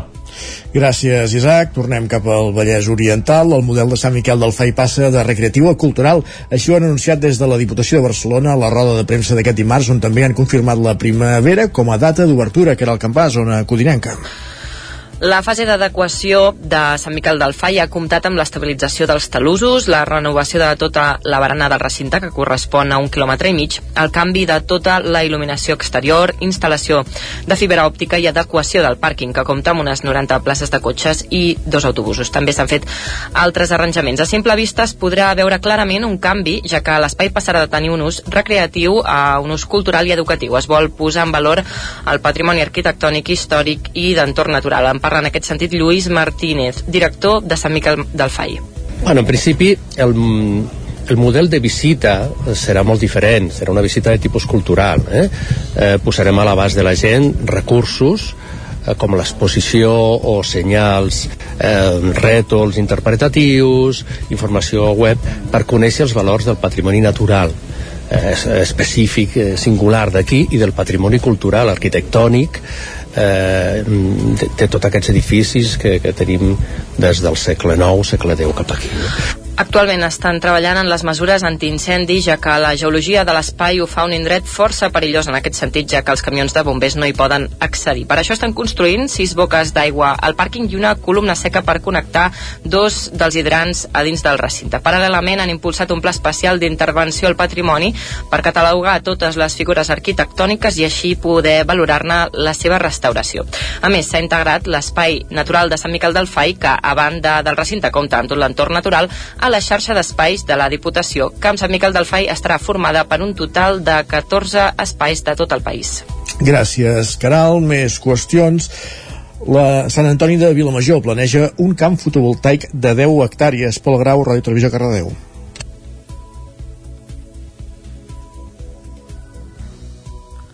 L'Ajuntament de Sant Antoni de Vilamajor planeja fer un camp agrovoltaic prop del polígon industrial de Can Tàpies, de l'antiga bòbila de Llinàs i de la masia de Can Sala. L'objectiu del projecte és comptabilitzar la producció d'energia fotovoltaica sense perdre superfície conreable, amb la finalitat de maximitzar la producció de plat ecològic mantenint la rendibilitat d'una instal·lació fotovoltaica. El projecte tot just es troba en les fases inicials de tramitacions i permisos, i segons fons municipals, comptarà amb el suport del Programa Sectorial Renovables 2030, de suport a inversions locals pel clima de la Diputació de Barcelona. La instal·lació ocuparà una superfície a prop de 10 hectàrees i tindrà unes 5.100 plaques solars, d'on sortirà el 70% del consum d'energia de l'àmbit residencial del municipi. Les fileres de plaques estaran separades per una llicència d'11 metres. En el camp hi haurà 9 hectàrees de secà que conrearà el propietari del camp i una hectàrea d'horta que gestionarà la cooperativa Tres Terres de Cardedeu. En principi s'havia previst una potència de 5.000 kW, però finalment la instal·lació serà de 2.500 kW. La normativa espanyola permet que les plantes fotovoltaiques siguin per autoconsum en un radi de 2 quilòmetres. Gràcies, Pol. Tornem a la comarca d'Osona perquè la coordinadora del voluntariat d'Osona posa en marxa l'Escola Solidària amb l'objectiu d'acostar projectes de voluntariat als centres educatius. L'entitat ha signat un conveni de col·laboració amb la Fundació Impulsa i el grup Bon Preu per poder finançar la iniciativa Sergi Vives. Ara fa tres anys va tenir lloc el primer congrés de voluntariat d'Osona. Allà es van detectar la necessitat de treballar pel relleu en les entitats socials que hi ha a la comarca. La coordinadora del voluntariat va entomar aquest repte i va engegar una prova pilot anomenada Escola Solidària. Ho explica un dels seus membres, Joan Turró.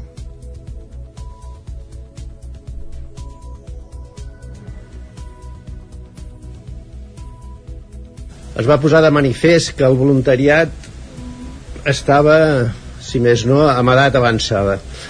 I un dels problemes principals era el relleu. Llavors, tot això vam pensar de quina manera es podia treballar, no?, per donar cobertura a que les nostres entitats segueixin, segueixin treballant i que s'hi apunti gent jove.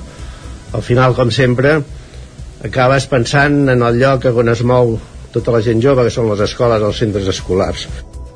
La iniciativa va començar amb tres centres educatius i ara ja n'hi ha 15. L'objectiu és que els infants i els joves vagin de primera mà a, que vegin de, que, de primera mà què és ser voluntari. La idea és vincular les 55 associacions i els 2.000 voluntaris que hi ha a la coordinadora a través de xerrades i projectes que puguin sorgir més enllà.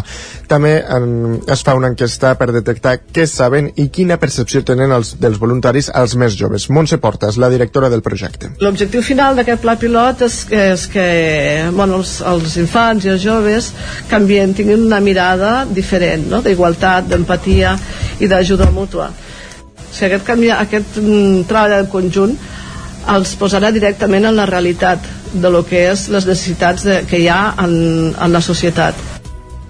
Des de la coordinadora detallaven que s'han posat en contacte amb el Departament d'Educació però que no han rebut cap aportació econòmica per tirar-ho endavant.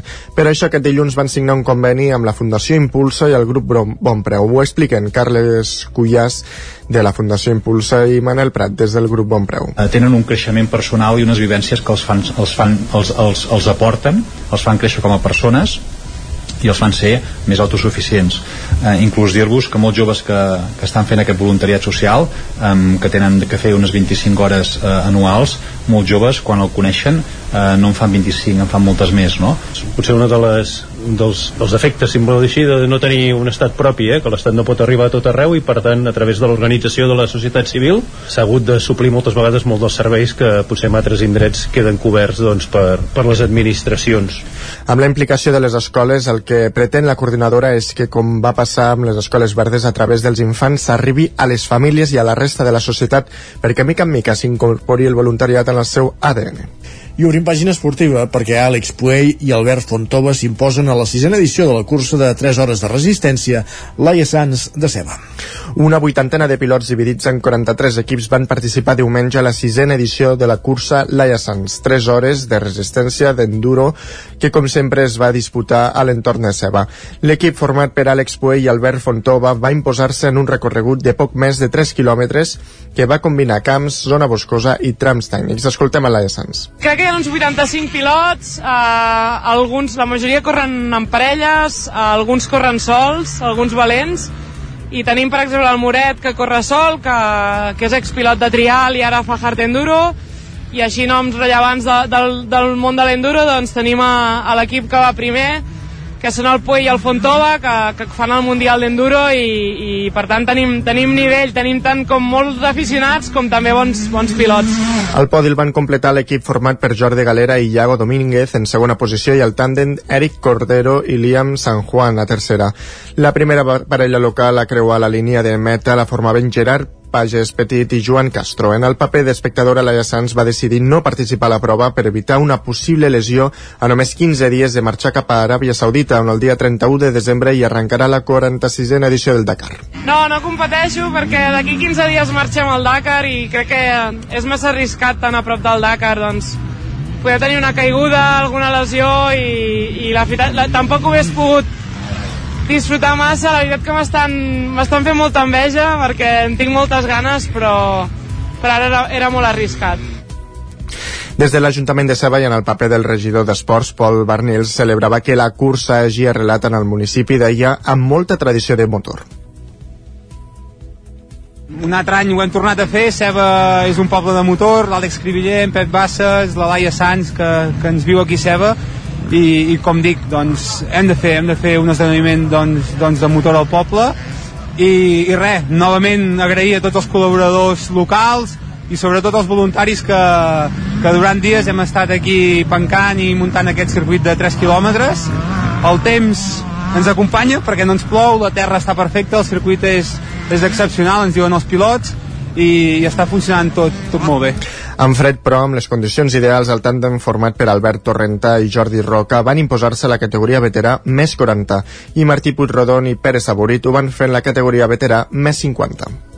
Gràcies, Sergi. Aquí acabem aquest bloc informatiu que començàvem al punt de les 10 del matí en companyia de Sergi Vives, Caral Campàs, Isaac Muntades i Pol Grau aquí al Territori 17.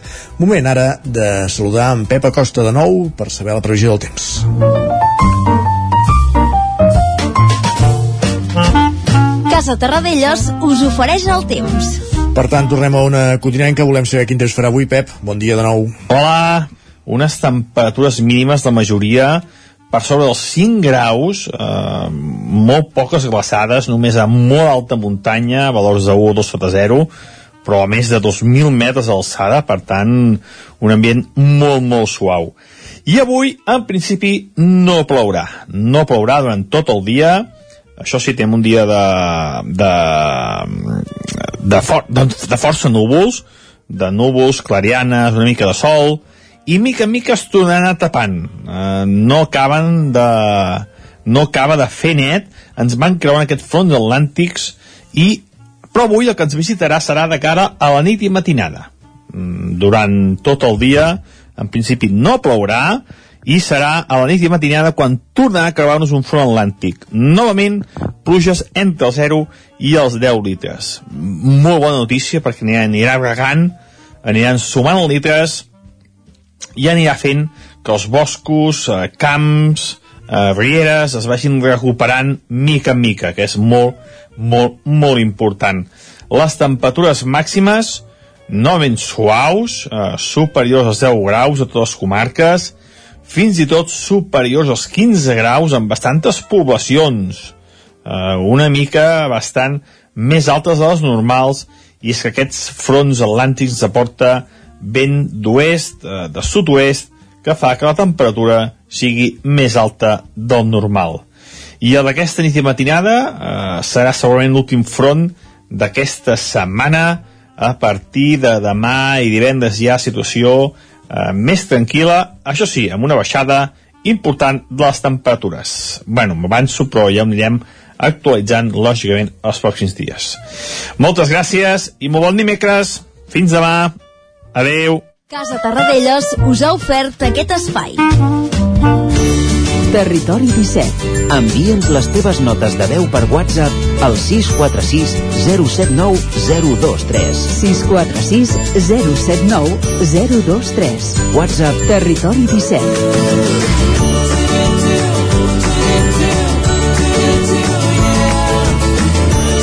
Territori 17. Som a Facebook, Twitter i Instagram amb l'usuari Territori 17.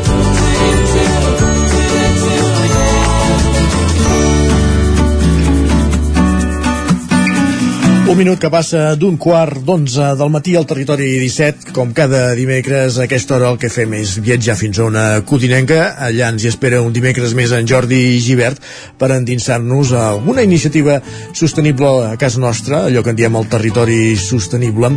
I avui, Jordi, el que volem és parlar o recuperar un tema del qual ja vam parlar la temporada passada però que té una nova derivada, un nou capítol que és la gestió forestal amb drons, a través de drons Jordi, benvingut una setmana més, quan vulguis, bon dia.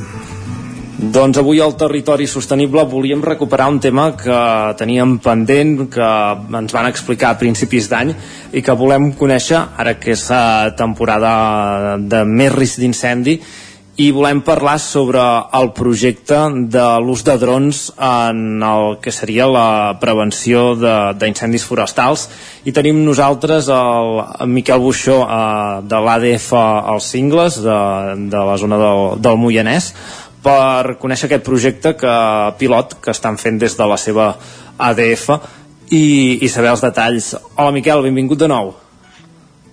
Uh, molt bona tarda. Uh, Gràcies. Mi Miquel, uh, per, per uh, situar una mica la gent que, que, no, que no ens va escoltar uh, a l'última vegada que vam parlar amb tu, ens pots uh, explicar com surt la, la idea de, de fer aquest uh, projecte d'utilitzar drons en tasques de, de prevenció d'incendis? Uh, la idea sorgeix inicialment uh, com una manera de tenir des d'una visió aèria poder fer una prevenció d'incendis eh, i una millor gestió forestal que a la cap i a la fi és el que ens ajudaran a, a prevenir els incendis no? Val. Uh, en, ens vas comentar l'altra vegada que, que havíeu començat a, aquesta primavera un, una formació. No sé si encara estem en aquest pas, si ja heu pogut uh, utilitzar els drons. Uh, quina és el, la situació uh, aquests dies? La situació és la següent. És, eh, nosaltres teníem previst fer eh, una formació per dos pilots i fer una formació una miqueta genèrica per 25 persones, de manera que tothom entengués ben bé com funcionen els drons, quina és la tecnologia i tenir dos persones. La realitat és que ens hem trobat en una situació organitzativa una miqueta més complexa del que, del que pensàvem. Uh -huh. Hem trobat un grup d'unes 15 persones que tots ells volen ser pilots, eh, amb la qual vol dir que tenim assegurat doncs, que, que hi haurà gent per pilotar els drons, però eh, ens complica molt la gestió de la formació. No? A més a més ens hem trobat que eh, el Barcelona Drone Center està col·lapsat de, de feina i la formació pràctica l'hem hagut de deixar per les dates del 5, eh, 6 i 7 de setembre perquè no tenien disponibilitat i ja pots Mhm. imaginar-te que eh, 14 persones eh, posar-se d'acord per agafar 3 dies de festa eh, entre setmana és una miqueta complicat i al final hem hagut d'anar a aquesta data, a aquesta data del 5, 6 i 7 de, de setembre eh, per fer la formació pràctica.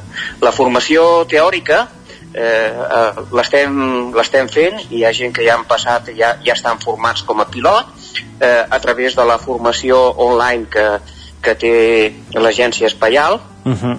i, i llavors doncs eh, aquesta ja la tenim en marxa i la idea és que tota la formació teòrica estigui ja feta abans de que fem la formació el dia 5 i 6 i 7 de setembre. Clar, per tant, uh, de moment uh, uh, està molt avançada aquesta formació teòrica que a més a més ha canviat i, i tindreu més gent uh, uh, capaç de pilotar aquests drons uh, especials per, per fer tasques de prevenció d'incendis però, però el que és el tema pràctic s'ha hagut de- d'enredarir de, Sí, el nostre pla que era començar a fer vols al juliol s'ha hagut de retrasar per aquesta raó, és a dir, eh, tenim eh, tanta gent que vol ser pilot eh, que organitzar aquesta formació es fa molt complexa i trobar dates amb el Drone Center ha estat molt complexa. Eh, en definitiva, eh, anem més a poc a poc del que voldríem, eh, però eh, l'important és que tenim un grup eh, bastant consolidat, bastant implicat, que està dedicant bastantes hores a formar-se online i que s'han organitzat per agafar-se tres dies de festa al setembre i poder anar a una formació, no? Clar, llavors a partir d'aquí, un cop estiguin formats, aquests 15 pilots ja, ja podran fer ús del, del dron, ja podreu començar a utilitzar-los ja en aquestes tasques de prevenció? Sí, eh, és a dir, a partir del setembre, un cop feta la formació, es faran els primers vols que seran doncs, per agafar experiència, es començaran a agafar ja imatges i es podrà començar a fer el tractament de les dades. Uh -huh. I a partir d'aquí ja podrem començar a tenir, eh, a veure quins són els resultats que obtenim dels casos d'usos que vam crear, no? Uh -huh. Clar, uh, no sé si teniu previst alguna, algun full de ruta per començar a partir del mes de setembre algunes tasques que es puguin fer uh, durant aquesta final d'estiu, tardor, hivern, diguéssim. Sí, nosaltres el que vam fer va ser crear uns casos d'usos, com pot ser, per exemple, agafar una superfície i mesurar les alçades de, dels pins o pins que estiguin morts, eh, qualsevol eh, cosa que tenim una sèrie de casos d'usos identificats i el que farem amb aquesta llista de casos d'usos, amb les prioritats que vam marcar, anirem fent un darrere l'altre. Uh -huh. Val, d'acord. Uh, doncs uh, uh, també et volia preguntar, ja que et tenim aquí, no sé com valoreu des de la, les ADFs la situació actual als boscos, tenint en compte el clima, la sequera, uh, quina valoració en feu de, de tot plegat d'aqu- d'aquesta campanya d'estiu? Serà molt complicada? Home, tothom indica que la situació no va millor, és a dir, eh, hi ha un canvi climàtic, eh, hi ha una situació de- de- d'abandonament de, dels boscos, llavors no ens acompanya gaire la situació que tenim, no? Llavors aquesta campanya sembla que serà eh, eh, difícil eh, com la que vam tenir l'any passat, no? Tothom eh, està dient el mateix, no? Llavors, eh, bueno, eh, això, eh, més que preocupar-se, el que hem de fer és fer accions, i això, fer accions, és, doncs, eh, i amb això volem treballar amb el projecte dels drons, és tenir moltes més dades per poder fer prevenció, per poder fer treballs forestals, per poder eh, preveure i poder fer un manteniment millor de les infraestructures que tenim i això que serveixi més per la prevenció i extinció d'incendis, no? Mhm. Aquest és el nostre objectiu. Uh, més... Però no es veu una campanya fàcil. Uh -huh. Més enllà d'aquest projecte de drons, uh, de cara a aquest any, uh, aquest estiu, heu, heu, heu introduït alguna metodologia nova, alguna iniciativa nova uh, a l'ADF de, dels cingles? No, eh, eh, nosaltres estem integrats a la Federació del Bages Moianès, tenim un protocol d'actuació i continuem eh, treballant de la mateixa manera. No hi ha hagut eh, cap innovació en aquest sentit, no? Vale. Doncs, uh, Miquel, moltes gràcies per, per atendre'ns i posar-nos al dia sobre com avança aquest projecte de drons, que si, uh, si m'ho pot recordar, crec que l'objectiu és que al final sigui aplicable a més llocs més enllà del Moianès, no? Eh, efectivament, la idea és poder replicar la idea i veure els fruits que dongui. Uh -huh. Doncs, Miquel, moltes gràcies i esperem que sobretot no, no hi hagi cap ensurt uh, forestal uh, aquest estiu. Això esperem. Moltes gràcies. Doncs gràcies a tots també per seguir-nos. Nosaltres uh, us deixem amb els companys del Territori 17 per acabar el programa d'avui. Gràcies, Jordi. Encara ens queda mitja hora per endavant per continuar el programa d'avui. Hem parlat d'aquesta iniciativa de l'ús de drons, de l'ús de la tecnologia per treballar en la prevenció d'incendis arran d'una iniciativa de l'ADF de, de Sant Feliu de Codines i el que fem tot seguit és una pausa aquí al territori 17 seran 3 minuts per atacar la recta final del programa que avui dimecres ens arriba primer de tot amb les piolades amb el més destacat que hem trobat a Twitter i acte seguit serà qüestió de saludar de nou, com fem cada 15 dies, la Cristina d'Enfruns per parlar de llengua, per parlar de paraules i avui ho farem a, a l'entorn si no tenim mal entès de les paraules que van relacionades amb la marató de, de TV3 que se celebra aquest cap de setmana. I també passarem pel sedàs lingüístic de la Cristina una cançó de... una Nadala de, de Sau 30. Tot això serà al Territori 17 després d'aquesta petita pausa, després de les piolades, i acabarem el programa parlant de literatura, com fem cada dimecres. També el Lletra Ferits, avui des de la veu de Sant Joan i conversant amb Santi Llagostera en companyia de l'Isaac Muntades, que és un dels tres autors de la Casa del Dibuixant, Santi Llagostera, que és de Ripoll, i que és, com dèiem, és un dels tres coautors d'aquest llibre conjuntament amb Montse Muntades i el dibuixant Jan. D'aquesta obra en tindrem més detalls, com dèiem, a la recta final d'un territori 17, que ara avança, fem una petita pausa i continuem, com dèiem, tot seguit amb aquests tres continguts que ens falten per completar el programa d'avui dimecres 14 de desembre de l'any 2022.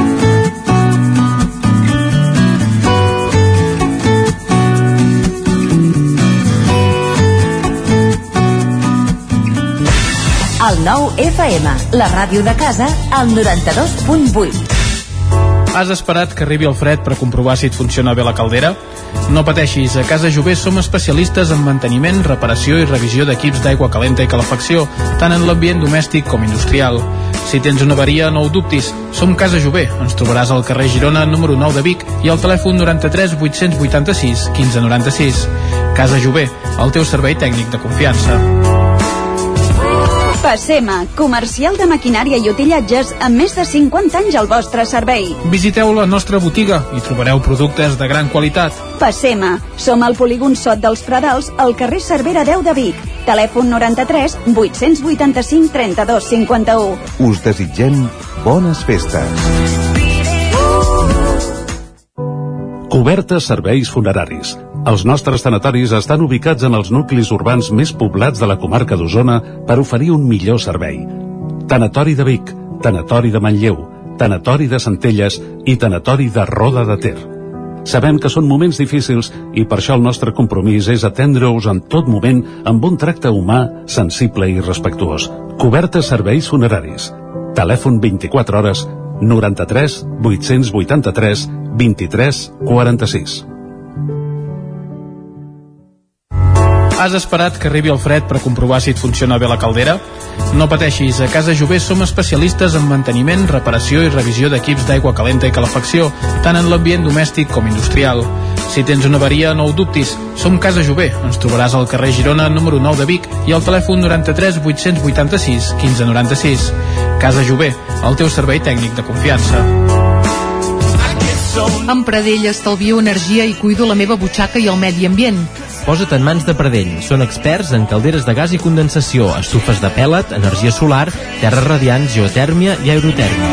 Pradell instal·la calderes de biomassa per a particulars i per a empreses. Si vols estalviar un 50% en consum, contacta amb Pradell i passa't a les energies renovables.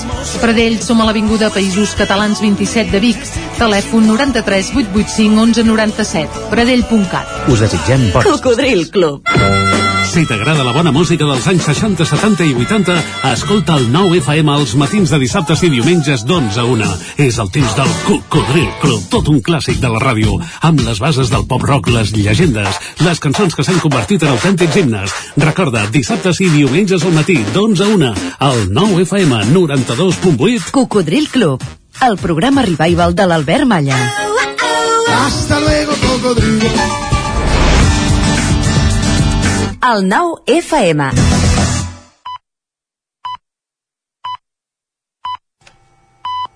En punt, al territori 17, ara mateix, dos quarts d'onze.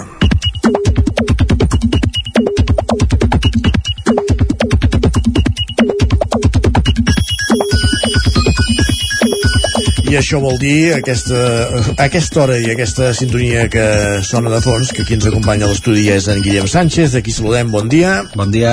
I havent recollit totes les piolades sobre aquesta semif primera semifinal del Mundial entre l'Argentina i Croàcia, o no, o m'equivoco? No, no t'equivoques gaire i de fet ja estic nerviós per veure què, què passarà di, diumenge a les 4 de la tarda. Jo tinc un dinar de Nadal i espero que hi hagi una pantalla gegant per poder veure el futbol, perquè si no l'assistència al dinar serà una mica, Pobre. una mica baixa, diria. Però Què? bé, Qui, qui passarà al final, Marroc o França? jo és que vaig molt en Marroc. Vas molt en Marroc? Vaig molt en Marroc. Però em sembla que està més per l'altra banda. Però bé, tots els partits s'han de jugar i s'ha de, i de veure. Doncs va. Va, avui el tema de conversa era, era aquest, tornava a ser futbol mundial i sobretot Messi. En Marc ens escrivia, amb, diu, amb 35 anys Messi encara fa miracles, Jesús ho va deixar als 33. Res més a dir. Vinga, comparacions d'aquelles eh, de nivell baix ja per, per començar. En Joan Carles creu que tothom està en contra d'Argentina. Diu, Anaven amb el Brasil de Vinícius i volien que perdés Luis Enrique. Després la Portugal de Cristiano. Ara amb la Croàcia de Modric. Només els queda la França d'Mbappé que no juga al Madrid però volen que guanyi qui sigui abans de reconèixer que Messi és el millor. Jo vaig, jo com que vull que guanyi qualsevol dels que no volen que guanyin aquests, doncs estic la mar de content. doncs si felicitem avui guanya el Marroc ja serà felicitat absoluta. En aquest sentit, l'Albert ens escriu seria màgic veure a tothom de la caverna animant la selecció del Marroc a la final del Mundial. Tind- Tindrien problemes, eh? No sé si, si tindrien clar qui animarien, eh? Ostres, és que Marroc és- Argentina? Home, encara amb la selecció d'Argentina eh, hi ha un parell de l'Atlètic de Madrid o, Exacte. o així, per tant encara tindria una mica de justificació que el volguessin animar-los. I, i eh? Di Maria, que va ser una llegenda blanca, també. Ostres, però això queda molt enrere, eh? Un Però jugador, és. un jugador que ja, que ja ni juga en cap moment, ostres, seria, seria fotut. I en recorden altres usuaris coses com aquestes. Ens diuen, bon dia, Messi protagonista a les portades. Sembla un déjà vu, com si res no hagués passat ni res hagués canviat. Aquella nostàlgia. han passat moltes coses, eh? I n'he canviat d'altres. Aquella nostàlgia dels anys, dels anys passats. De fet, em sembla que avui per xarxes també corrien molts vídeos d'una jugada en concret de, de Messi que se'n va anar d'un dels eh, centrals Sí, sí. de, de, L'assistència del tercer gol. de Croàcia, que alguns ja deien, diu, eh, comparacions amb quan jugava al Barça, aquelles jugades que feia ell, Uh, ens en recordem, eh? Ens en Sí, recordem i massa. Va, i com dèiem, eh, avui a L'home jugar... vulgar, li deia un, Correcte. un narrador argentí ahir. L'hombre vulgar.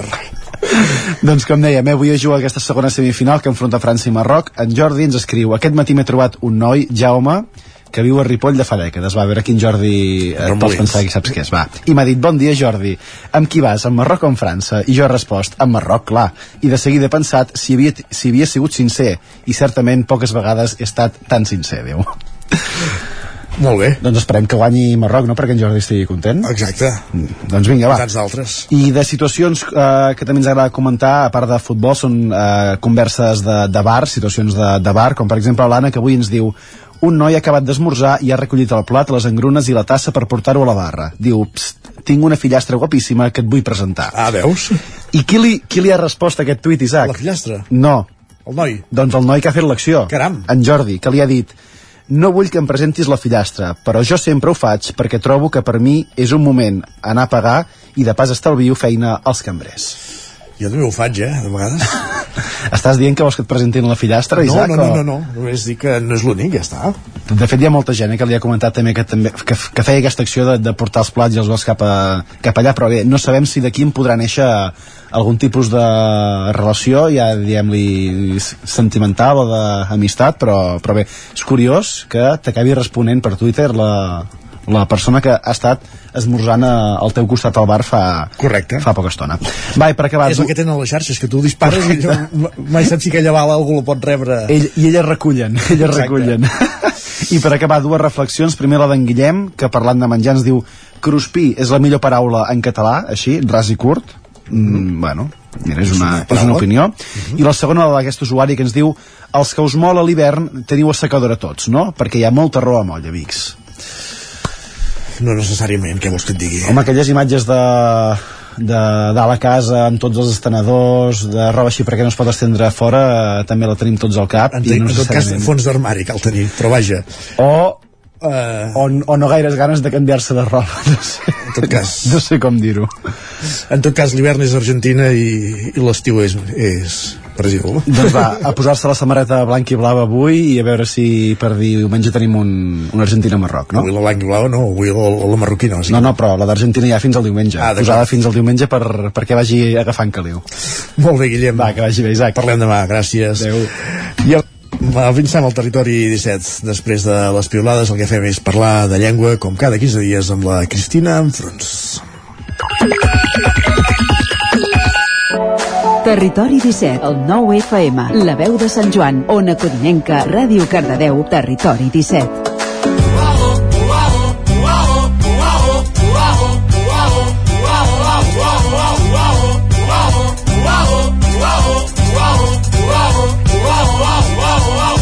Me sobren paraules 6 minuts gairebé que passen de dos quarts d'onze del matí, moment de saludar la Cristina Enfruns. Benvinguda una setmana més, bon dia. Bon dia. Avui vols parlar d'una paraula o d'un seguit de paraules que venen en connotació amb el que és la marató de TV3 que se celebra aquest cap de setmana.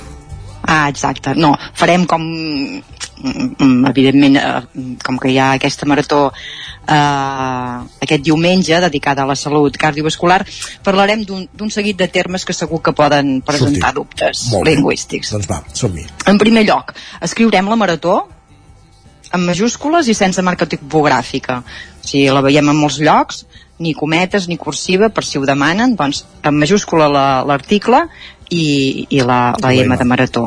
A- Aquesta és la manera d'escriure aquesta marató de TV3. Molt bé.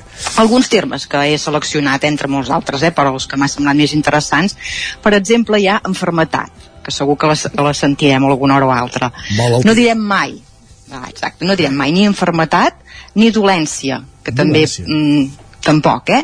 Totes dues són paraules incorrectes, evidentment, doncs hem de parlar de malaltia. Una altra també molt comuna és el, el trasplantament, Mm que recordem, no transplantament, que aquesta és força habitual, eh? Ni transplantar el, el És trasplantament. És trasplantament sense la N, igualment Ves com aquí. trasplantar. Aquesta és... Aquí cauries, eh? I tant, aquesta és tot l'hagués fet jo, eh? Doncs bé. bé, sense la N. Igualment com passa també amb, amb trastorn. Eh? No Mhm. és un trastorn, sinó que hem de treure aquesta N. Eh? Per tant, trasplantament, trasplantar i trastorn. Tres paraules que ens hem de recordar de tal com s'escriuen. I tant, hem de vigilar. Una altra expressió que també per exemple, aquest mateix cap de setmana he, he, he pogut escoltar eh? I, i, i fa mal una mica eh? quan parlem de, de la, una mort que, se, que sobrevé d'una manera imprevista sí. eh? eh, hem sentit la mort súbita mm? sobtada la mort sobtada, eh? Aquesta sí, vigilem, perquè també és força freqüent que la, la, la sentim a vegades. Mort sobtada. També hi ha una qüestió de gènere i nombre. Sí. Per exemple, mm, així ja, potser no tan relacionat amb cardiovascular, però que també apareix en el món de la medicina, que és el, les pròtesis. eh? No direm mai una pròtesis, o bé unes pròtesi, sinó que la concordança és unes pròtesis. Una pròtesi, en singular, unes pròtesis en plural, eh? La S, quan és singular, no, no hi ha d'aparèixer. I també una altra alerta amb, amb, amb una altra I d'aquestes paraules així... pròtesis, a, la, a les pròtesis, Mm. la S és sonora, eh? Pròtesis, no pròtesis. Eh? Això, Exacte, val sí, sí, molt bé, molt bé. Sí, sí, haurà de ser una S sonora. Sí, eh, sí, sí, pròtesi. I també alerta amb una altra paraula en el gènere, com és la, la síndrome. Eh? Mm. No és el síndrome, sinó és la síndrome de qualsevol. Eh? Sí. En, en, en femení. Correcte. I per acabar, hi ha Però aquesta acabada, edició, es però acabada amb B, eh? Encara que sigui... acabada amb B, evidentment, evidentment, sí, sí, sí. Uh, per acabar amb, amb, aquesta edició que es dedica al cor, recordem que uh, segur que hem, hem vist a molts llocs l'onomatopeia de, del batec del cor, aquest bum, bum, bum no? bum. Aquesta onomatopeia l'hem d'escriure amb guionet. D'acord. Ja, bum, bum. Tot i que, si veiem, per exemple, el disc que ha sortit de la Marató, uh, o bé diferents cartells que ho veurem que apareix sense uh, el, el guionet, però evidentment això és una qüestió de disseny, que no l'hem de tenir en compte, però quan nosaltres escrivim l'onomatopeia que surt al diccionari, uh, ho hem de fer amb el guionet. Mm? Bum, bum. D'acord. Són les paraules Ah. de... Digues, perdona. No, no, no, aquí era una pinzellada, eh? Hi hauria moltes més coses, però bé, potser aquestes serien les més importants. Doncs les paraules que hem de tenir en compte amb la Marató de TV3 que se celebra aquest diumenge. N'hem fet un repàs amb la Cristina Ofruns, la primera, la malaltia, mai l'enfermetat, i d'aquí n'han derivat moltes altres, eh? La síndrome que sentíem ara darrerament, trasplantament, trastorn i tantes altres paraules que, que hem d'inculcar-nos a, a dir-les bé. I tenim una cançó també, no? Ja que d'avui deu ser la darrera secció abans de les festes de Nadal. Ja Exacte, ja aprofito. Nadala, no? Per, In, per, Introduïm-ho ja. doncs va, som-hi.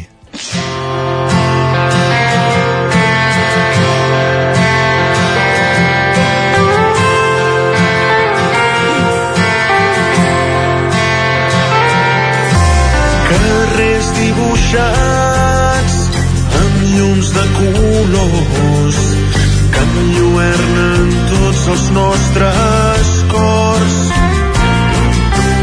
Enceguen els ulls, amagant-me els sons d'algú sense tanta sort.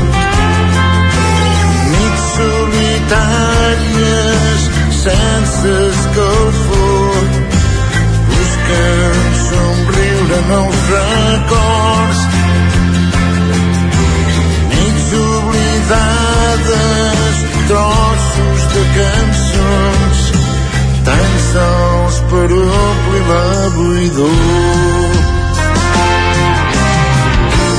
Tingues bon Nadal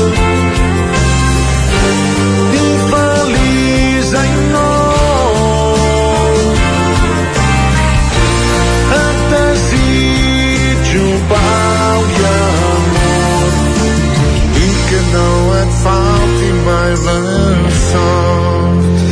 Tingues bon Nadal i que no et falti mai la sort, la Nadala que publicava ara fa un any, Sau, i que avui passa pel sedàs lingüístic de la Cristina Frunz, que ja hem trobat aquí, Cristina. Va, doncs, haureu de tornar-lo a escoltar, eh? Perquè encara no havia sortit el que, Ah. el que ens interessava, però bé. Falta no, molt ja no està encara? bé. Falta molt no, o no? ja està bé. Sí? Ja està bé, ja està bé, que així, així la tornaran a escoltar. Molt bé. Uh, no, simplement uh, hi ha un parell de cosetes, eh? No, tampoc no és que aquí en, ens, ens, ens il·lustrem amb... Però bé, hi ha una, una dita o un refrany Sí. eh, aquest que diu qui dia passa any, cada any empeny ell diu això Cada any, ben. però bé, jo no ho he trobat o sigui, eh, és tal, tal com la, la diu a la cançó qui dia passa cada any empeny aquest cada no m'ha sortit enlloc, eh? ho he buscat i realment la, la, la normal que es troba tot arreu és qui dia passa any empeny aquest cada eh, dubtaria de veure si ha de ser-hi o no. I després una mica més avall quan diu, una, és molt freqüent en moltes cançons les trobem i segur que, so- que tu ja, ja eh, mol- moltes vegades n'hem parlat aquest, els dies passen poc a poc.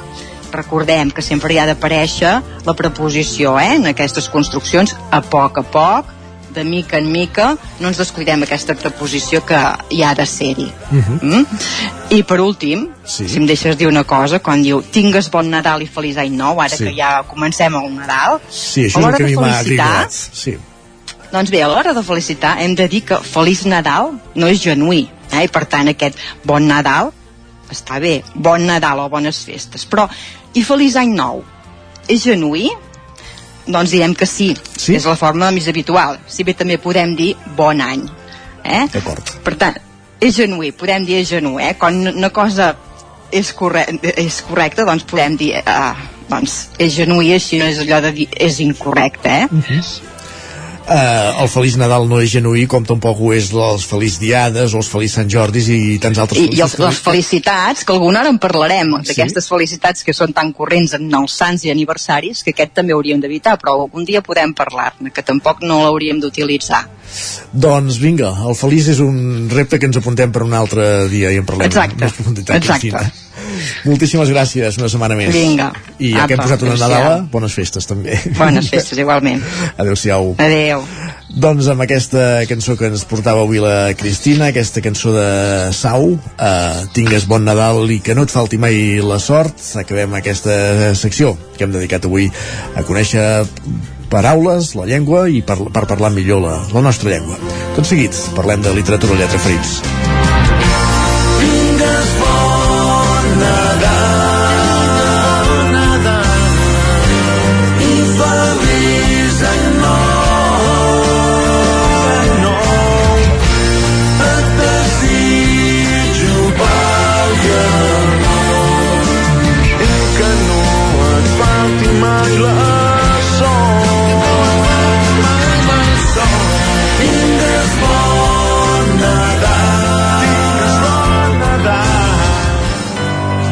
Territori, Territori 17. 17. Territori 17.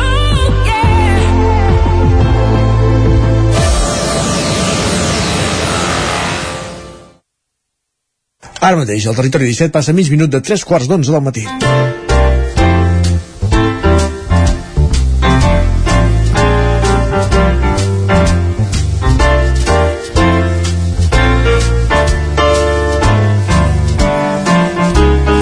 I a aquesta hora ens endinsem al Lletra Ferits i el que fem avui és anar fins a la veu de Sant Joan. Allà ens hi espera l'Isaac Muntades, en bona companyia. Isaac, bon dia. Bon dia, Isaac. Doncs sí, avui estem molt contents de tenir a l'estudi de la veu de Sant Joan en Santi Llagostera per presentar-lo una mica. Ell va néixer a Ripoll l'any 1955 i és arquitecte de professió, llicenciat l'any 1987 per l'Escola Tècnica Superior d'Arquitectura de Barcelona i també, a més a més, té un postgrau d'urbanisme del 2012 per la Universitat de Girona. L'any 2011 va ser membre fundador del col·lectiu Patrimoni i també és membre fundador del projecte Greta, el grup de recuperació i estudi de la tradició arquitectònica, que això eh, es va fundar l'any 2015. A més, és un dels membres de, del grup de música Randallaires i del 2015 al 2019 també va fer un pas fugaç per la política perquè va ser regidor a l'Ajuntament de, de Ripoll per uh, la CUP. És un bon currículum al qual li hem d'afegir ara l'etiqueta de- d'escriptor, que de fet ja ha fet altres uh, llibres en Sandy, per tant no és un novent en aquest aspecte, i a més a més és un dels tres creadors de, de l'àlbum a la Casa del Dibuixant, del qual parlarem avui, juntament amb la Montse Muntades i el, i el dibuixant Jan. Bon dia, Santi, moltes gràcies per estar avui amb nosaltres. Bon dia i moltes gràcies per haver-me convidat. Primer de tot aclarir que la Montse Muntades no és familiar meu, ho dèiem abans off the record, que és important aclarir-ho, que a vegades eh, amb aquests noms. Uh, per començar, Santi, heu fet un triumvirat força curiós per crear aquest llibre, no sé d'on prové la idea, qui va ser l'instigador de, dels tres i quan vareu començar a gestar-lo?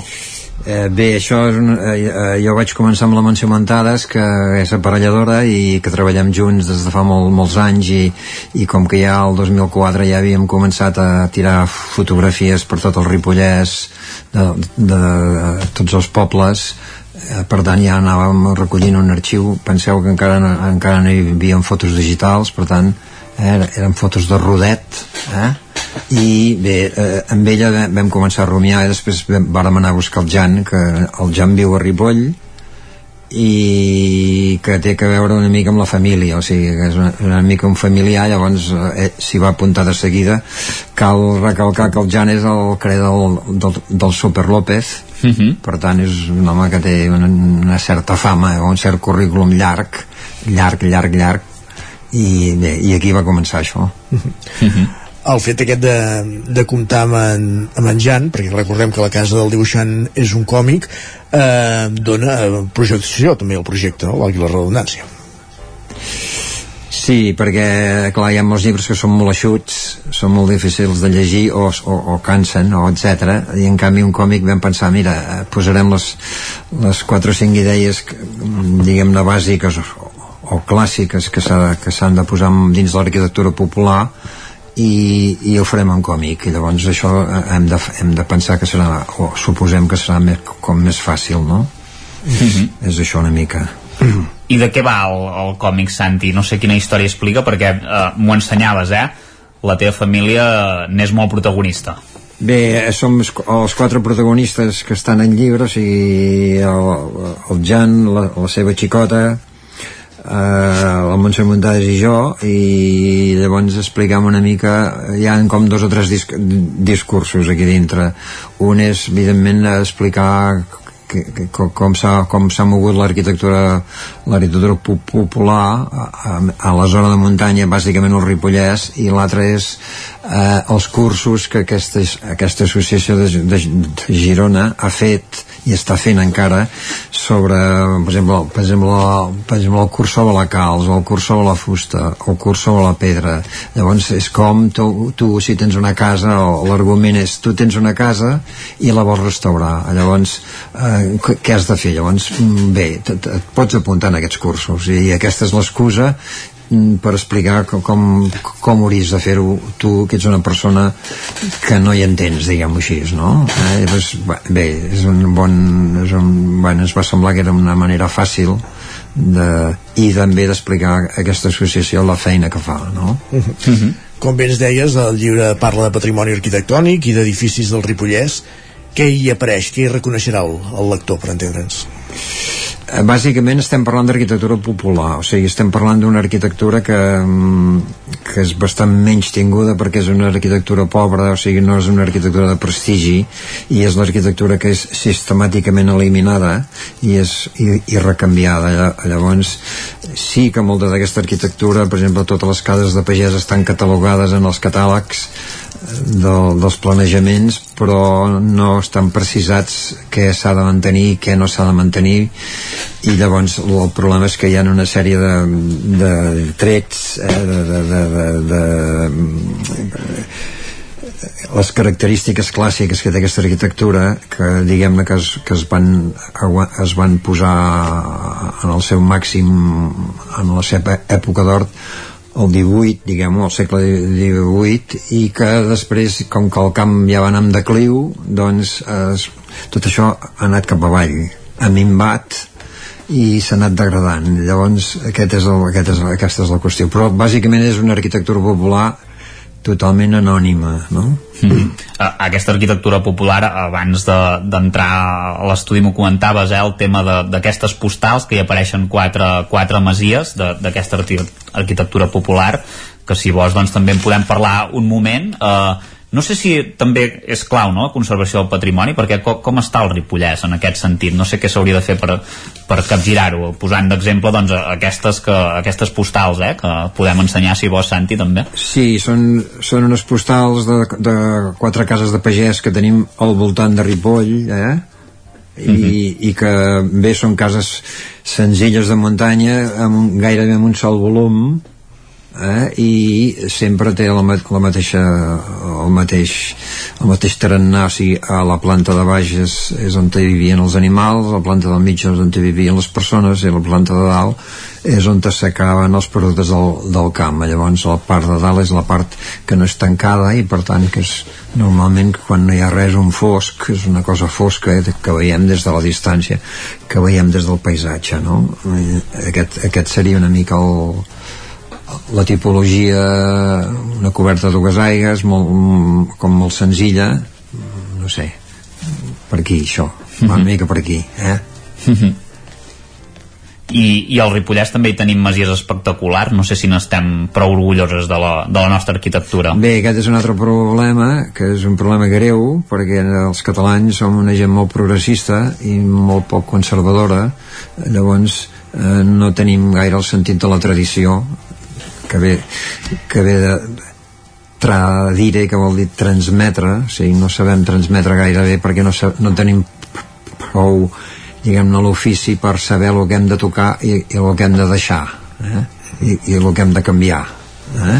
una mica això llavors eh, eh, eh, eh, sistemàticament eliminem les coses llavors aquesta idea de, de l'arquetip o del prototipus o, de, o del mite de, de poder, poder tenir un mite per aguantar-lo i per, per, per, estar orgullosos és una cosa molt, que és molt, molt subtil però que és molt important perquè mm, tot país que no tingui mites en el bon sentit no mites fixes però és un país que desapareix. Per tant l'arquitectura popular si no es mitifica si no un no se n'enorgulleix també desapareix Abans ens, ens ensenyava Santi aquestes postals i parlàvem de la, de la importància de, de poder, poder conservar el patrimoni que no sempre es fa, de què depèn?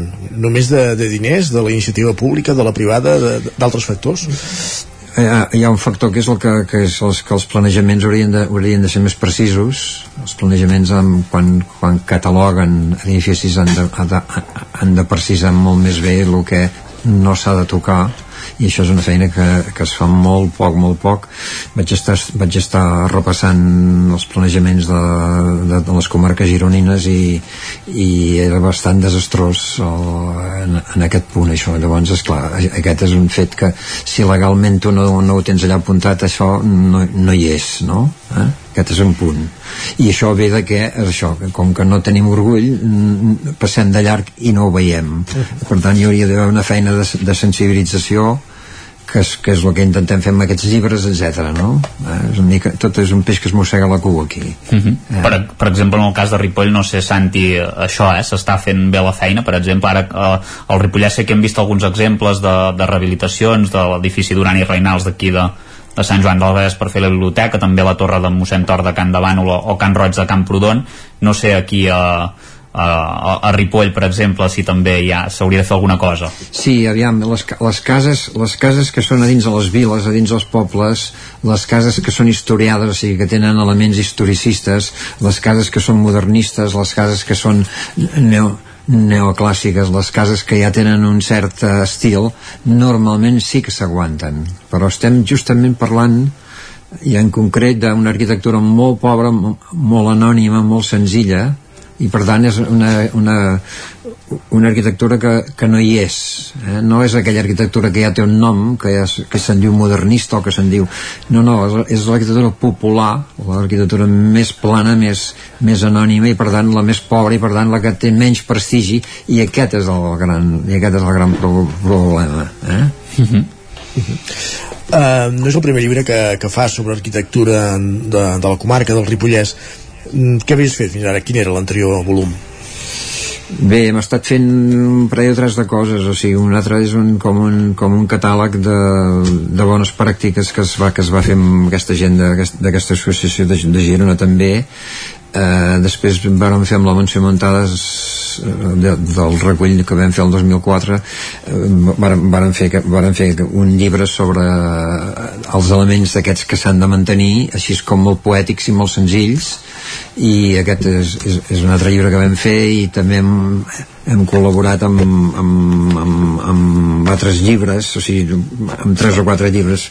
Ja no me'n recordo massa perquè aquí, aquí tenim el curric el, el decàleg de bones pràctiques eh, estudis sobre sobre la preservació de la pedra seca mm, arquitectura tra tradicional tècniques cons- constructives i ara hi ha la, la traducció que, que, vaig fer sobre l'hàbitat tradi tradi l'habitatge tradicional dels Pirineus catalans que és un llibre que està escrit a l'altre cantó de la frontera de set cases cap al nord, diguem-ho així, que tenen, tenen un parc allà i, i bueno, més, o, més o menys aquestes coses, eh?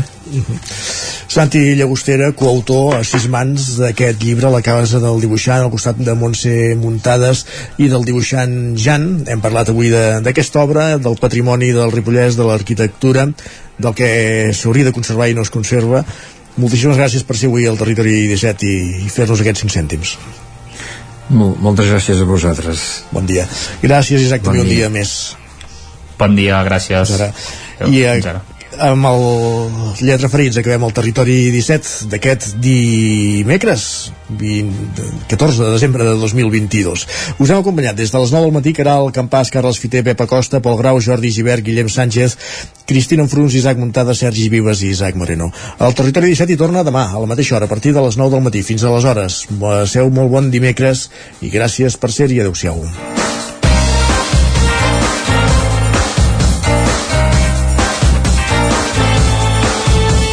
Territori 17, un magazín del nou FM. La veu de Sant Joan, Ona Codinenca i Ràdio Cardedeu amb el suport de la xarxa.